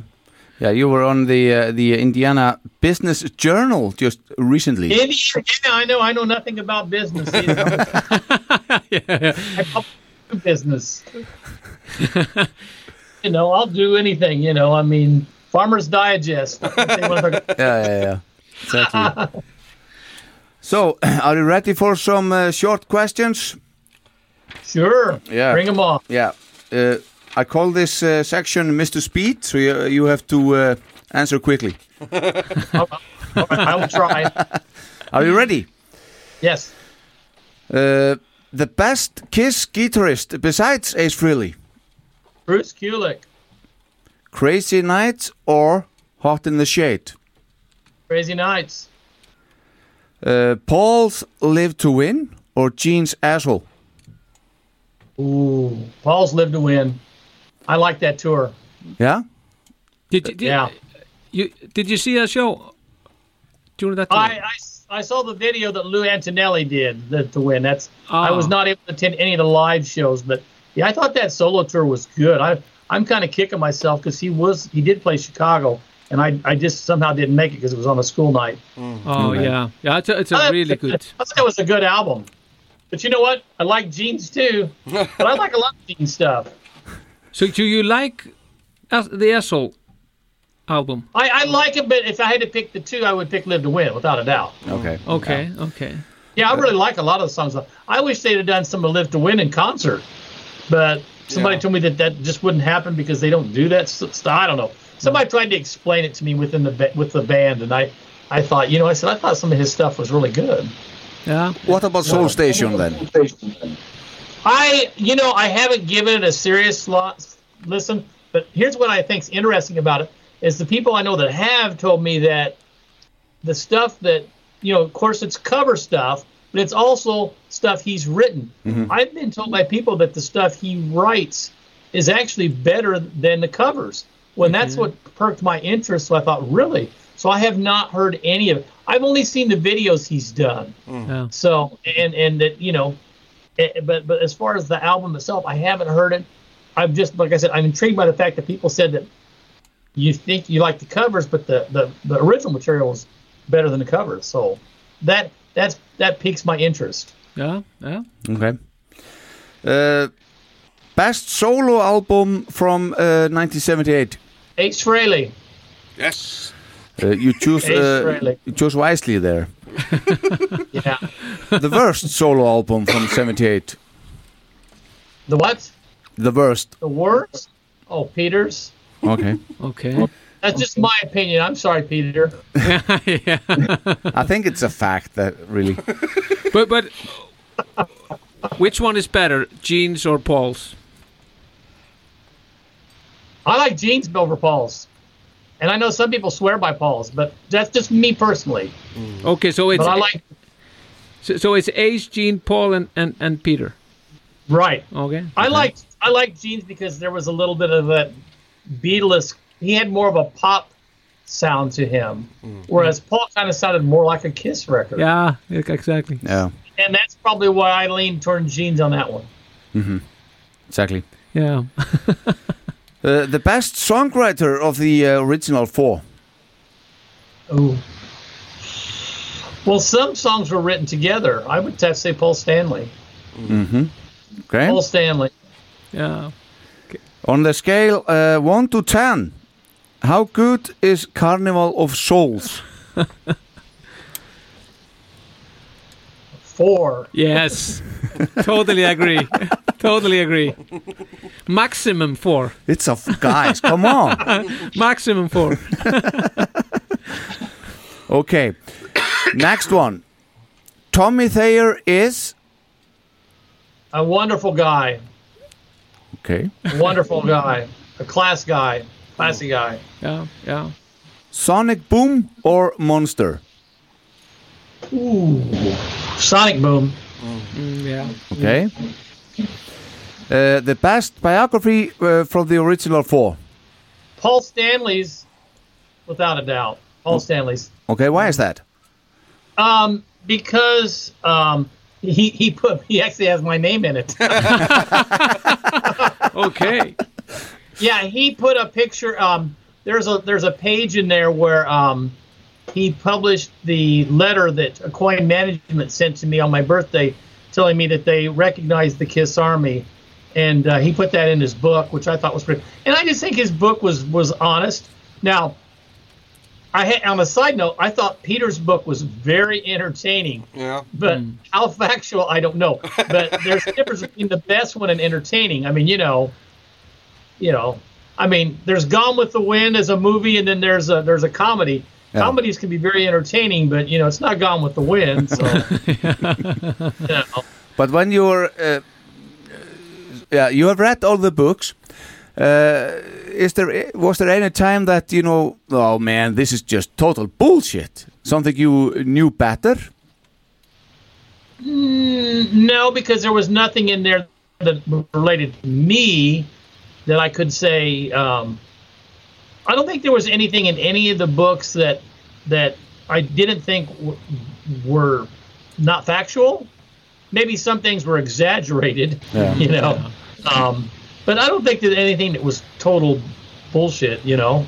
No, okay, okay, okay. So uh, Kiss meets the Phantom of the Park is what?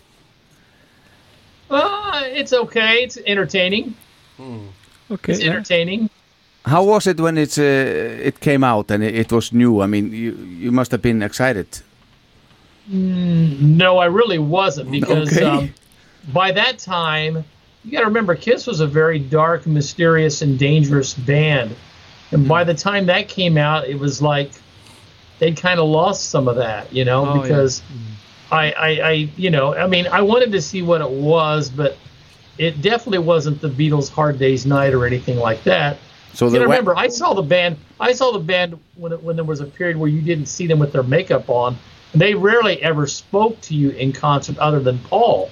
So, um, remember the first time they told me I was going to meet Kiss, I didn't want to meet them because they were just too, too mysterious and strange and whatever else. So by the time they did Phantom of the Park, some of that kind of wore off for me.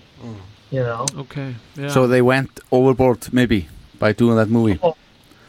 Yeah, truly. Now the Paul Lynde special was cool. I like that. Yeah. I like that on TV, but but um, you know, the um, the Phantom of the Park. No, I mean we can still look at it today and, and we laugh at it, but you know even the band is probably a little bit, you know, I wouldn't say ashamed, but they don't brag about it. I don't think a lot.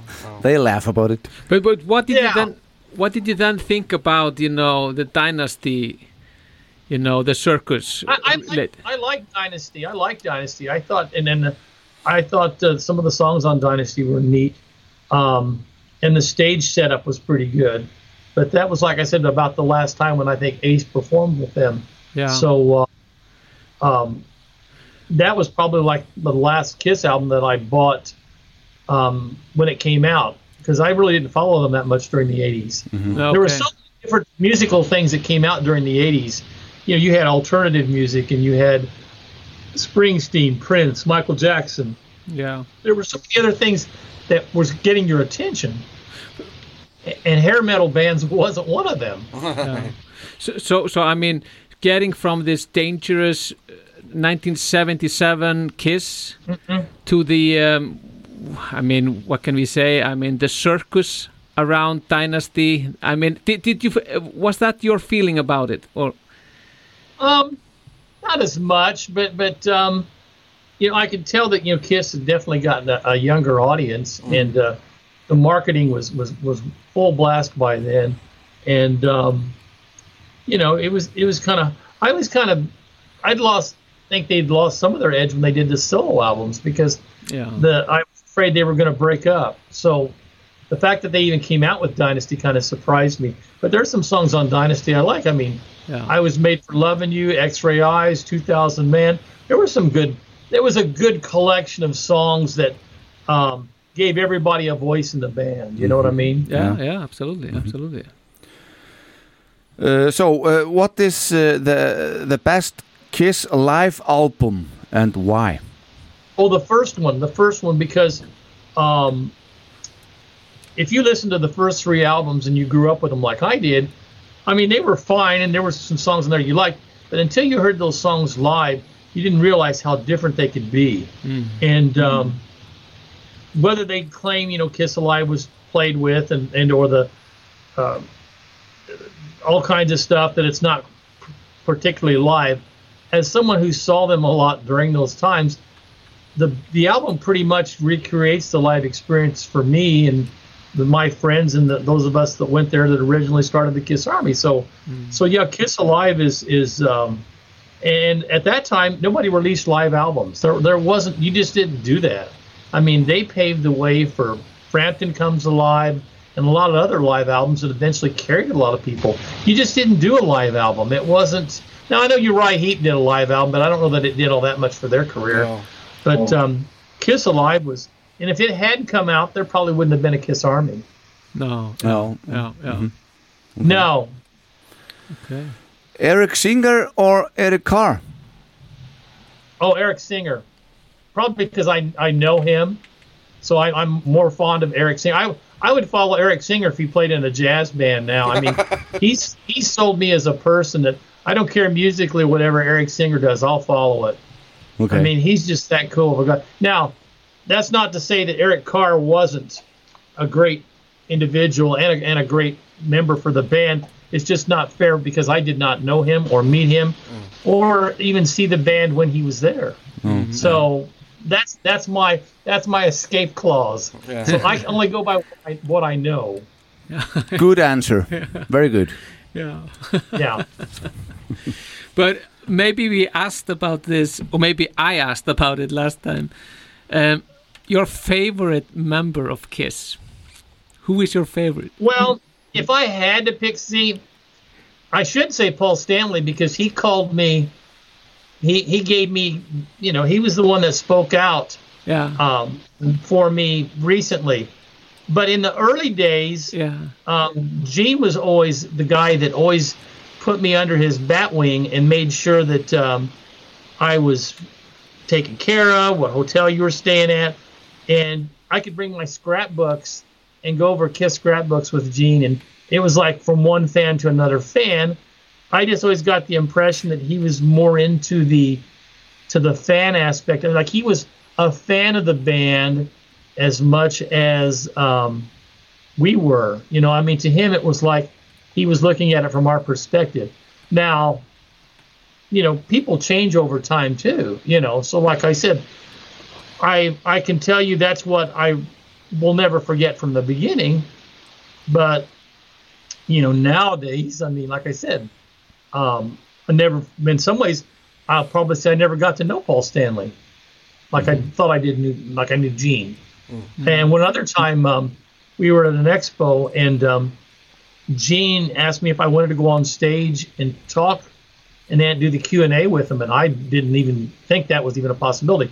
So Gene got out of his chair and let me sit in his chair. So here I'm sitting up there with, with Bruce and Eric and Paul, and Gene's behind me because he gave up his chair to me, and I'm doing the Q and A with him. So I thought that was was a really cool gesture. But I mean, maybe I have this weird thing that I think Gene always got a kick out of the Kiss Army story. Yeah. Because I also remember the time I was backstage in Chicago, like during the 2012 thing, and Kiss was doing a thing with uh, Nightline, and Gene just saw me passing, and there were so many people in there, and he grabs me by the chin, and then grabs the um, ABC newsman. He goes, "Tell him who you are." And then Gene leaves, and I'm like going, blah blah blah blah blah. blah. I didn't know what to say because you know, I think that's you know, and, and they filmed me, I'm sure, but it didn't make the cut. But I just got the get this impression that Gino always got a kick out of the Kiss Army story, and even though I get teased about the thousands of people that surrounded the radio station stuff and all that, I think that they Gino has kind of appreciated the fact that um, a, a, a kid that uh, saw them as a as a struggling band thought enough of them to go back to his hometown and say, "These guys need to be on the radio. They they're they're the next big thing." Mhm. And you know, maybe that's just just maybe me rambling on. I don't know. So you don't have any picture uh, of you with the band uh, back uh, from the from the beginning, the early days, uh, without the makeup, or No, no, no, no, no, no. That we took that very seriously. uh, we knew that if if you were allowed to party with the band, and he and John Hart was very nice about letting me bring people in, because what I would do is if I had people that I owed favorite friends that I knew would not do something stupid like no drinking or drugs or autograph stuff or all that. If you just wanted to go in there and say hello and and speak to somebody and you could get into a after party, you just you just knew you there there wasn't any any um, way you'd want to bring a camera in there because you respected the fact that they wanted their privacy.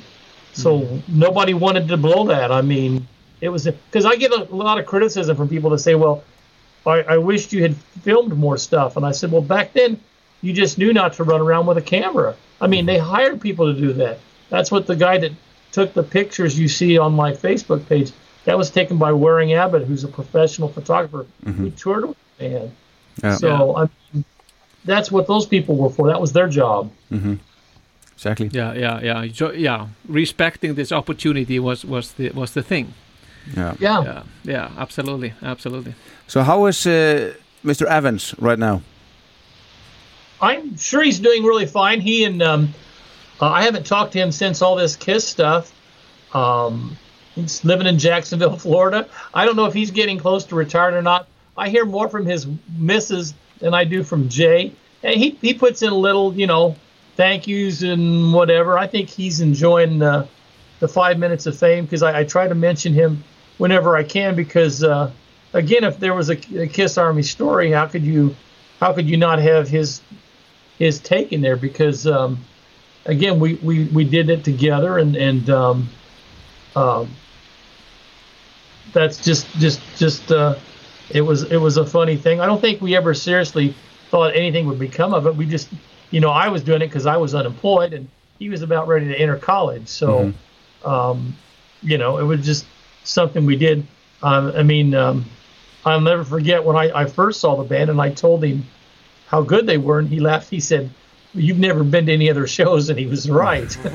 so, and, and then I think another good J line is somebody said, um, "Why did you Why did you call it the Kiss Army?" And he said, "Because Kiss fan club sounded too wimpy." Yeah. and Yeah. you know that's just a good J quote. You know. Yeah.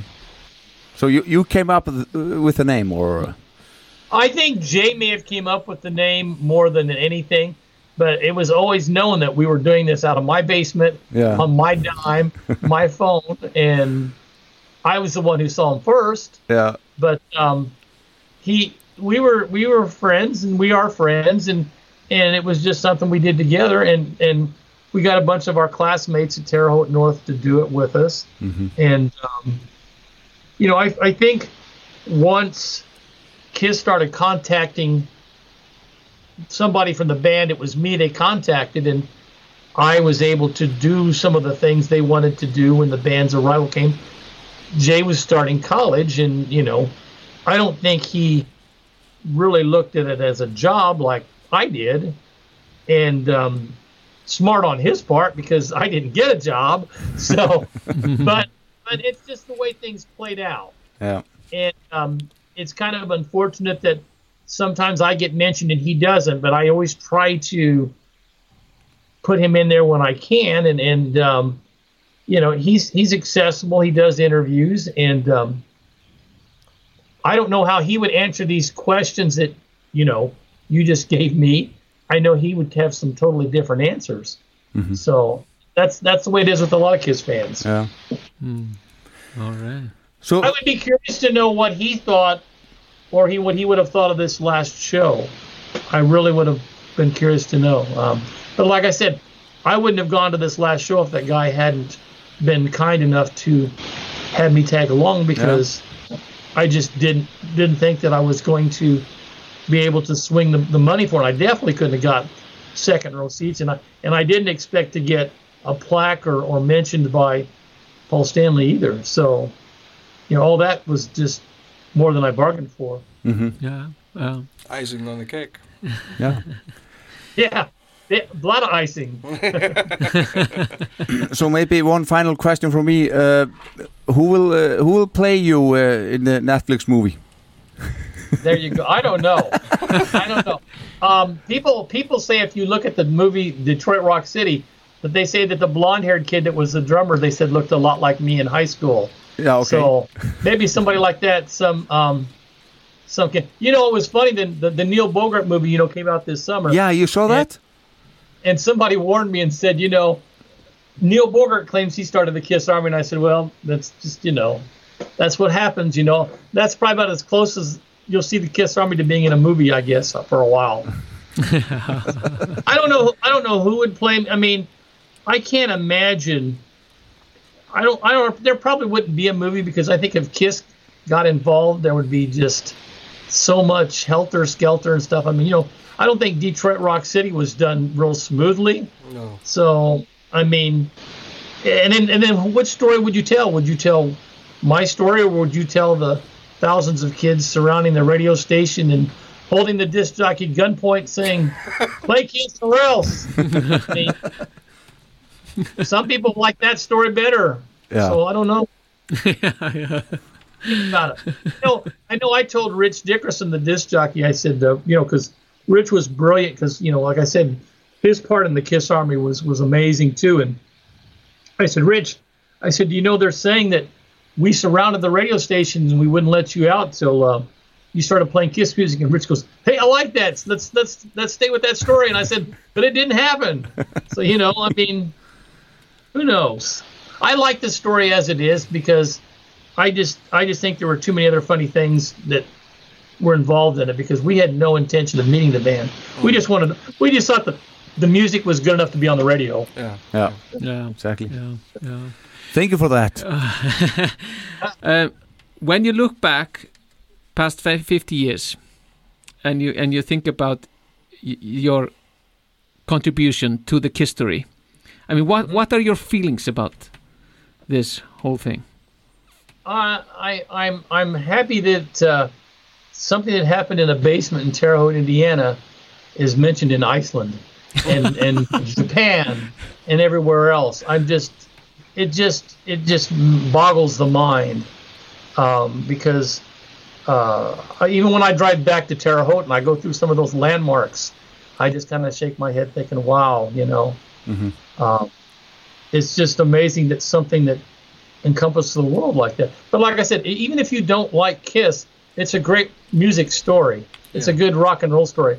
I mean, because we were definitely like the, the two goofuses in a basement, you know, with with our guitars and my my records and everything. And I said, let's just call up the radio station and say, hey, you better play Kiss. And the radio station would play Love Theme from Kiss and laugh at us, you know, or they'd play a Kiss song and not say it was Kiss. So, but yeah, it's it's thinking that it's it's something that's just mentioned all over the world. I still say it should be in the Rock and Roll Hall of Fame. The Kiss Exactly, Army should yeah. be in the Rock and Roll Hall of Fame with Kiss because it's a great fan club. And It's a great name for a fan club, and it goes along with the story. Yeah. So you know, hey, if they do that, then maybe I'll donate a plaque they can put in there with it. Okay. I'll put some of my merch in there. Yeah, yeah. The Rock and Roll Hall. of- That way, I know it'll be preserved forever. Yeah. yeah but this was not uh, it, it this wasn't uh, what you were expecting back in the 75 Oh, I didn't think. I thought Kiss was. I thought Kiss was going to disband once they took the makeup off. So can Oh, you yeah. imagine? I was more shocked when they put the makeup back on okay and decided they were going on tour because I thought, wow, they're really serious about this. And and um, look how things went after that. And then once Ace and Peter left, and Tommy and Eric brought back in, I thought, well, you know what? This might work. And it did.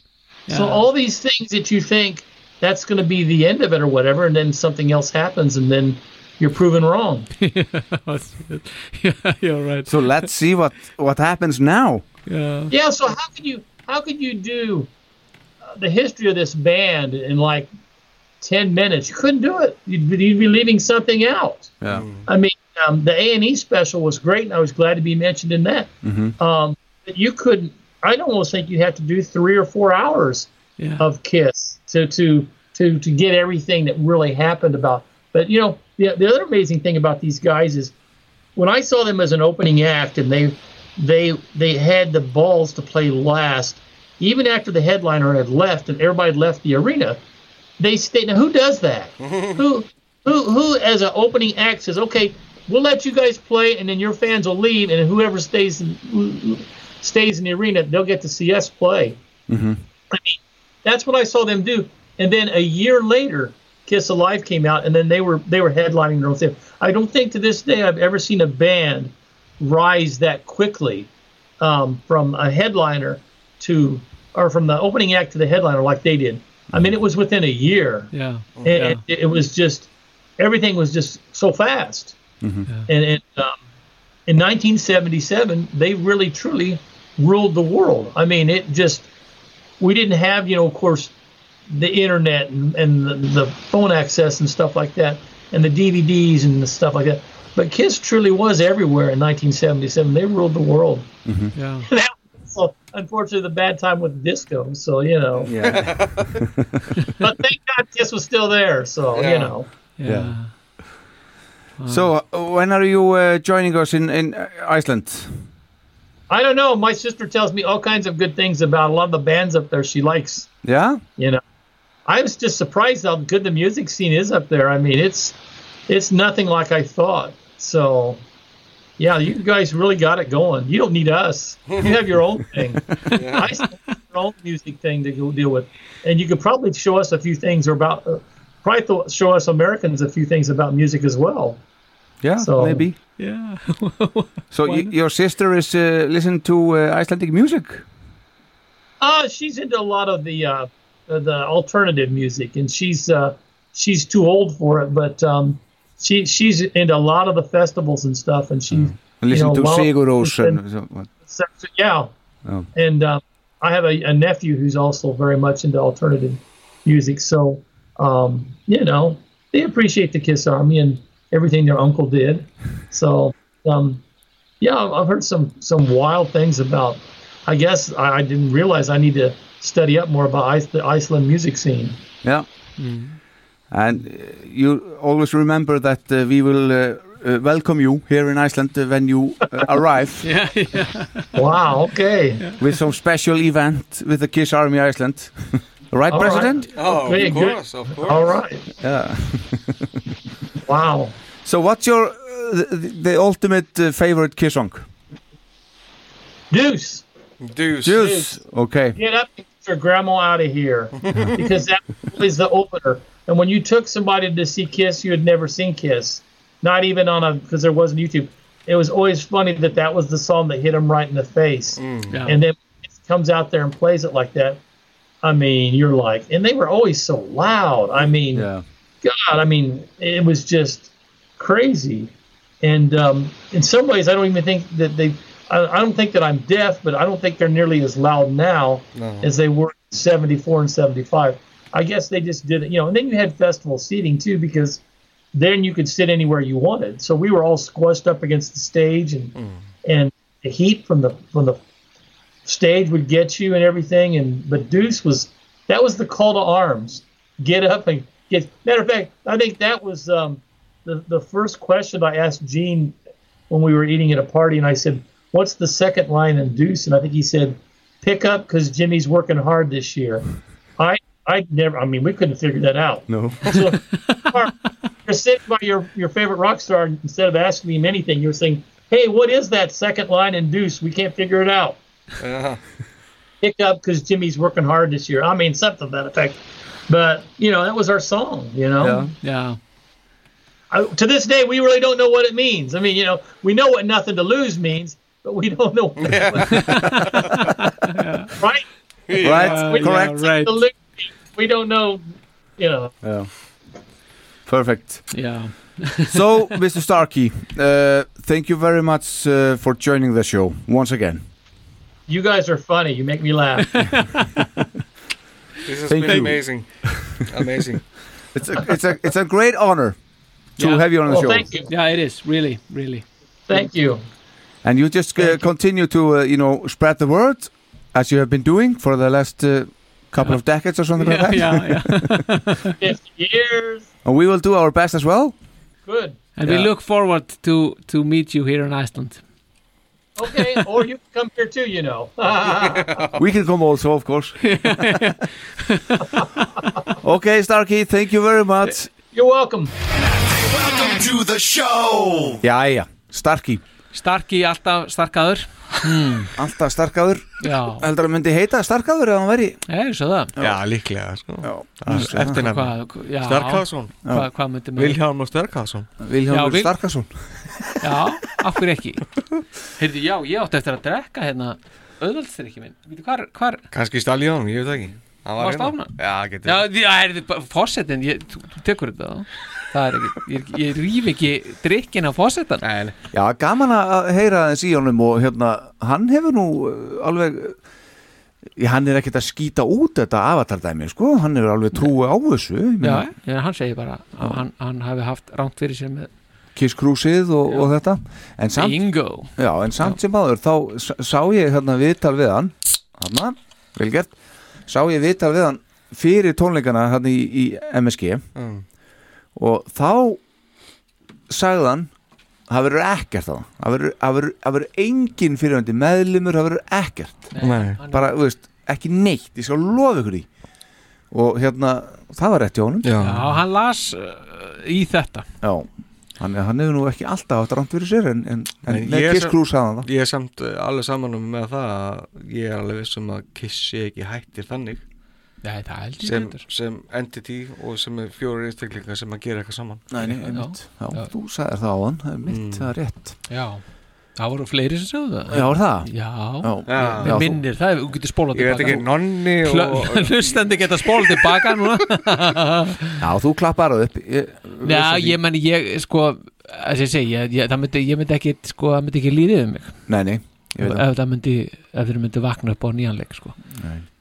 Í En einhverju fórum. hvenar? vakna upp eru að vera áttræðir sko.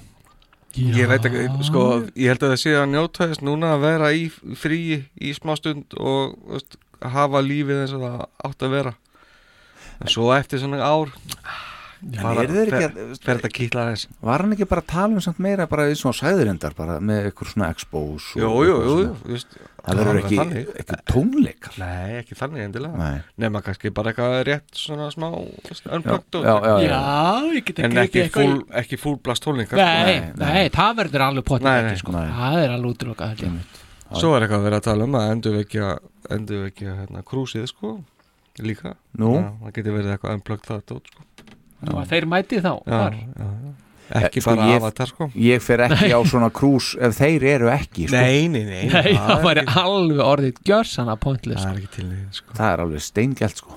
Já, já, ég meina, maður er ekki bara fað með eitthvað dúkkur hérna, sko. Nei, einmitt Já. Aldeilis ekki Það var gaman á hann, kallinn Já, já, þetta er alltaf gaman, alltaf gaman að- Já, ég meina, hann lík saga sem hann á bara í kissögunni Já, Staður sem hann á þetta, þetta, er, þetta er flott sko og, og það sem er líka hann, hann, hann, hann, hann metur það veist, maður, hann, er þykir væntum eða maður finnur það Já, já. veist, hann er ekki svona já, æ, bara svo, var þetta barna þegar ég var ungur og bara getur, fokkað sér sko. Hann kemur aftur inn hann í, í, í ríununu og, og gerir svolítið sem er líka snjált hann gerir svolítið úr þessu og passa sig að halda þessari sögu Mhm. eins, og, eins og kemur þetta fram í Níl Bókartmyndinni sko, þannig er búið að afbaka söguna Já, já. sem er náttúrulega pínu slæmt sko. Því, því að það er ekki eins og að þú- þú Hún selur ekki jafn mikið samt sko? Hún selur ekki jafn mikið þessi saga sko Nei, nei, nei, nei algjörlega ekki en, en, en, en þetta er samt bara Já, það sem er svo leiðilegt sko. Þegar að verið er að, að afbaka þetta Mhm. Já, hvað þá að vera að koma út í það að Bókart hefði stopnað Kiss Army og svona, það, Já, það er ég náttúrulega orðið algjört Já, ég sko. meina, já, já, einmitt, Já. það er svona já, mann finnst hann að, að þeir megi eiga þetta En svona en, já, en Ken, er ba business Barnaskóla kennari í Indiana Já, þetta er alltaf alveg bílað sko. sem að hann er að detta í eftirlaun Já. Og uh, hann, e, veist, hann heldur allar þessi sögu á lofti. Hann er að vera að nefna hann í hinn þessum uh, vídjóum og myndböndum og á tónleikum og, og, og hans hlutur er já, ég get ekki sagt óumdeildur en, en, en það vita allir að þessum hlut, veist. Hann hefði kannski geta spila betur spila hann sjálfur ef hann hefði kannski verið með meiri þroska á Mm. sínum tíma. Já, já. en væri ekki allt í lægi að svona kallmyndi fá lagt inn á sig þú er ekki nema Eitt tjekki já, ykkur. Miljón dólarar eða eitthvað. Bara takk fyrir. Ég held að Gene hafi allan nefnað því. Að því að hann hafði ekki efnað að fara á svo tónleika vinur hans bauðun Hvað er rugglega það? Hann náttúrulega á að vera með lífstíðs passa á Já, kistónleika veist, eitthvað svona, ég bara, þú veist. Já, en er þetta ekki kannski bara svona eitt, þetta er svona kannski, er svona sagan að endur taka sig að það er svona kannski gleymist ákveðin partur af af hverju þú ert þarna sko Mhm. Mm. Veistu, það er svona, já, alveg rétt Vist, já, hann, gerði, hann hjálpaði hérna þessi, Mhm. Vist, að það er svona dettur aðeins útbyrðis, kannski er náttúrulega í mörg hortna að líta, maður er búin að vera 50 ári í bransanum og, Mm. Og ert the hottest band in the world og allt það en það er En samt alltaf holt að, svona, að að hafa það samt í huga sko, hverjir komuður á staðinn sko. en ég hugsa að Gene og- og félagar, þeir hugsa þetta þannig að hérna veist, uh, Kiss væri alveg þótt að Kiss Army hefði ekki orðið til sko, en Kiss Army hefði aldrei orðið til ef að Kiss væri ekki til þetta er eitthvað svona já, en það er samt sko það get, já, það getur vel verið kiss eða orðið til og ég sjálfsagt ef þeir orðið eitthvað annað Já, já. einhver, einhver aðdándarhópur orðið til en Það það, er samt hjálp- það sem það er sko. Hjálpaði náttúrulega við útbreyslu sko Já. Á Já. þessum tíma heldur betur og, mun, já, og það er ekkit eitthvað þú, það er ekkit eins og þú sért- er sér að tegja sig einhverja margar mílur þú veist, þó að þeir, þó að þeir svona kannski svona klappa honum kannski aðeins mér á kollin Einmitt. þetta er, þetta er ekkit ofslega erfitt Nei, nei. og það er, það er ekki eins og sé að díla við einhvern óbúslega flókin persónuleika Nei, sem að er að krefjast rosa Kref- mikils nei, og eitthvað svona sko. alls ekki. er mitt, alls ekki bara alls ekki en, en maður svona sá þetta fyrir sig og hann situr eitthvað starf með, með Gene og skoði gegnum úrklippubækuna sínar og, já, með vindil. Með vindil? Já, já, bil sko. Var, var hann með vindil? nei, nei, nei, bara hann væri með vindil. Já, já, já, já. En núna þá? já, já, já, varstu ekki að tala um núna? Varstu að tala um, já, í ég- gamlu, gamlu Já, ég er að tala bara hann back in the days Já, þegar að, sko, að því að hann talaði um að Gene hefði bara verið svona eins og aðdáðandi sko. Já, já, já, já, já. og bara hann settist bara niður um hann og skoði genum uh, klippubækunar og, og svona. Já, já, ég minn, þetta er alltaf þetta er náttúrulega, já, já, menn í- þetta kemur ekki óvart varandi Gina, hann skulle vera svolítið svona veist það er eitthvað þráður í honum sem er samt svona voðalega næs Mhm. maður er alveg heyrt fleiri sögur í þessa, Já, já, þessa já, veru sko. já, já. og meðan nafni er svona allur ferkantaðir og já, já. erfiðari. Það eru svolítið miklu, miklu meiri varnir þar uppi já, aðeins aðeins sko. En, það sá við líka á það var- e, e, og heyrðum þegar þeir voru að tala þarna þegar Mhm. Gene sagði já en nú kannski hva, hva, hvað sagði hann hérna vind það væri mikið hérna án Ace og Peter og, já, já og svo sagði hann eitthvað svona stundum stundum hérna væri hann já hann sagði hann væri sko hef, hefði hérna back in the 70s verið svona dálítið delusional og eitthvað svoleiðis. Og Paul kom svona já já og það eru svona dagar en þá hérna þannig, þannig að sko að ég held að, að, að, Gene færi miklu oftar í töðunar á Paul heldur en Paul í töðunar á Gene sko. já, já, já, já. Ah, þetta er svona þetta er svo gott hjónaband. Já, já, einmitt. Eins og þið besta hjónaband. Hið besta hjónaband. Einmitt. Akkurat sko. Jæja, Bildar, þetta er ekki bara gott hjá okkur? Þetta er helvítið Jú, það er gott að vera hálnaður í kvöld. Slúta þessu. Já. Jú, jú, þetta er, þetta er nú orðin bara all mikið hlátur. Já, já, þetta er þá. Góðu þrýr Góði þrýr Já. Hvað? Fólki lítir að fá það sem það vill sko. Já, Já, já, en þá óska ég ykkur bara aftur gleðilega jóla og gleðilegs árs. Mm, og við já. sjáumst þá bara Næstu jól? Ári, ári liðnu Þeirra, þeirra, þeirra sjötti árgangurinn byrjar eitthvað Já, nei, nei, við sjáumst nú fyrir heldur um jólin Ég held það Það er bara næsta ár 1977 Jesus. sem við tökum fyrir uh, hér vonbráðar Já. skriftir standi yfir og Já. risa ár það eru gaman að heyra hvað er að frétta af uh, fórsveitunum öllum Já. Bandarækja fórsveitunum fyrir ekki fórsveiti Já, já, já. Það var lítið að frétta, hvað verður þetta fórsetan þetta? 77, hann hefur verið svona varstu til stórraðan að þá? Það hefur- hefur ekki verið mikið ritað um þar Nei. Það er ekki mikið skjálfest Nei, ekki mikið skjálfest Herru, takk í dag, við endum þetta á dús af uppáhaldsræðplötu uh, hérna Starki Já. og uppáhaldskisslæðans Starki Já, þessi geðveiku opnun. Er það ekki bara? Jó, Ágætis val. rosalegt Já, fínt val sko Takk fyrir að koma, elsku vinnir Já, takk, takk, fyrir mig You wanted the best and you got it. The hottest band in the land. Kiss.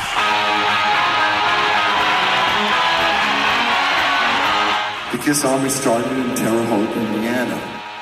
Uh, radio station wasn't playing Kiss, and this is in the very early days.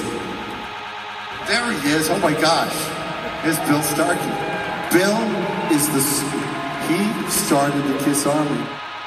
It's because of Bill Starkey that we had the starts of what became the biggest volunteer army in the world. We got the Kiss Army, and we got him to thank.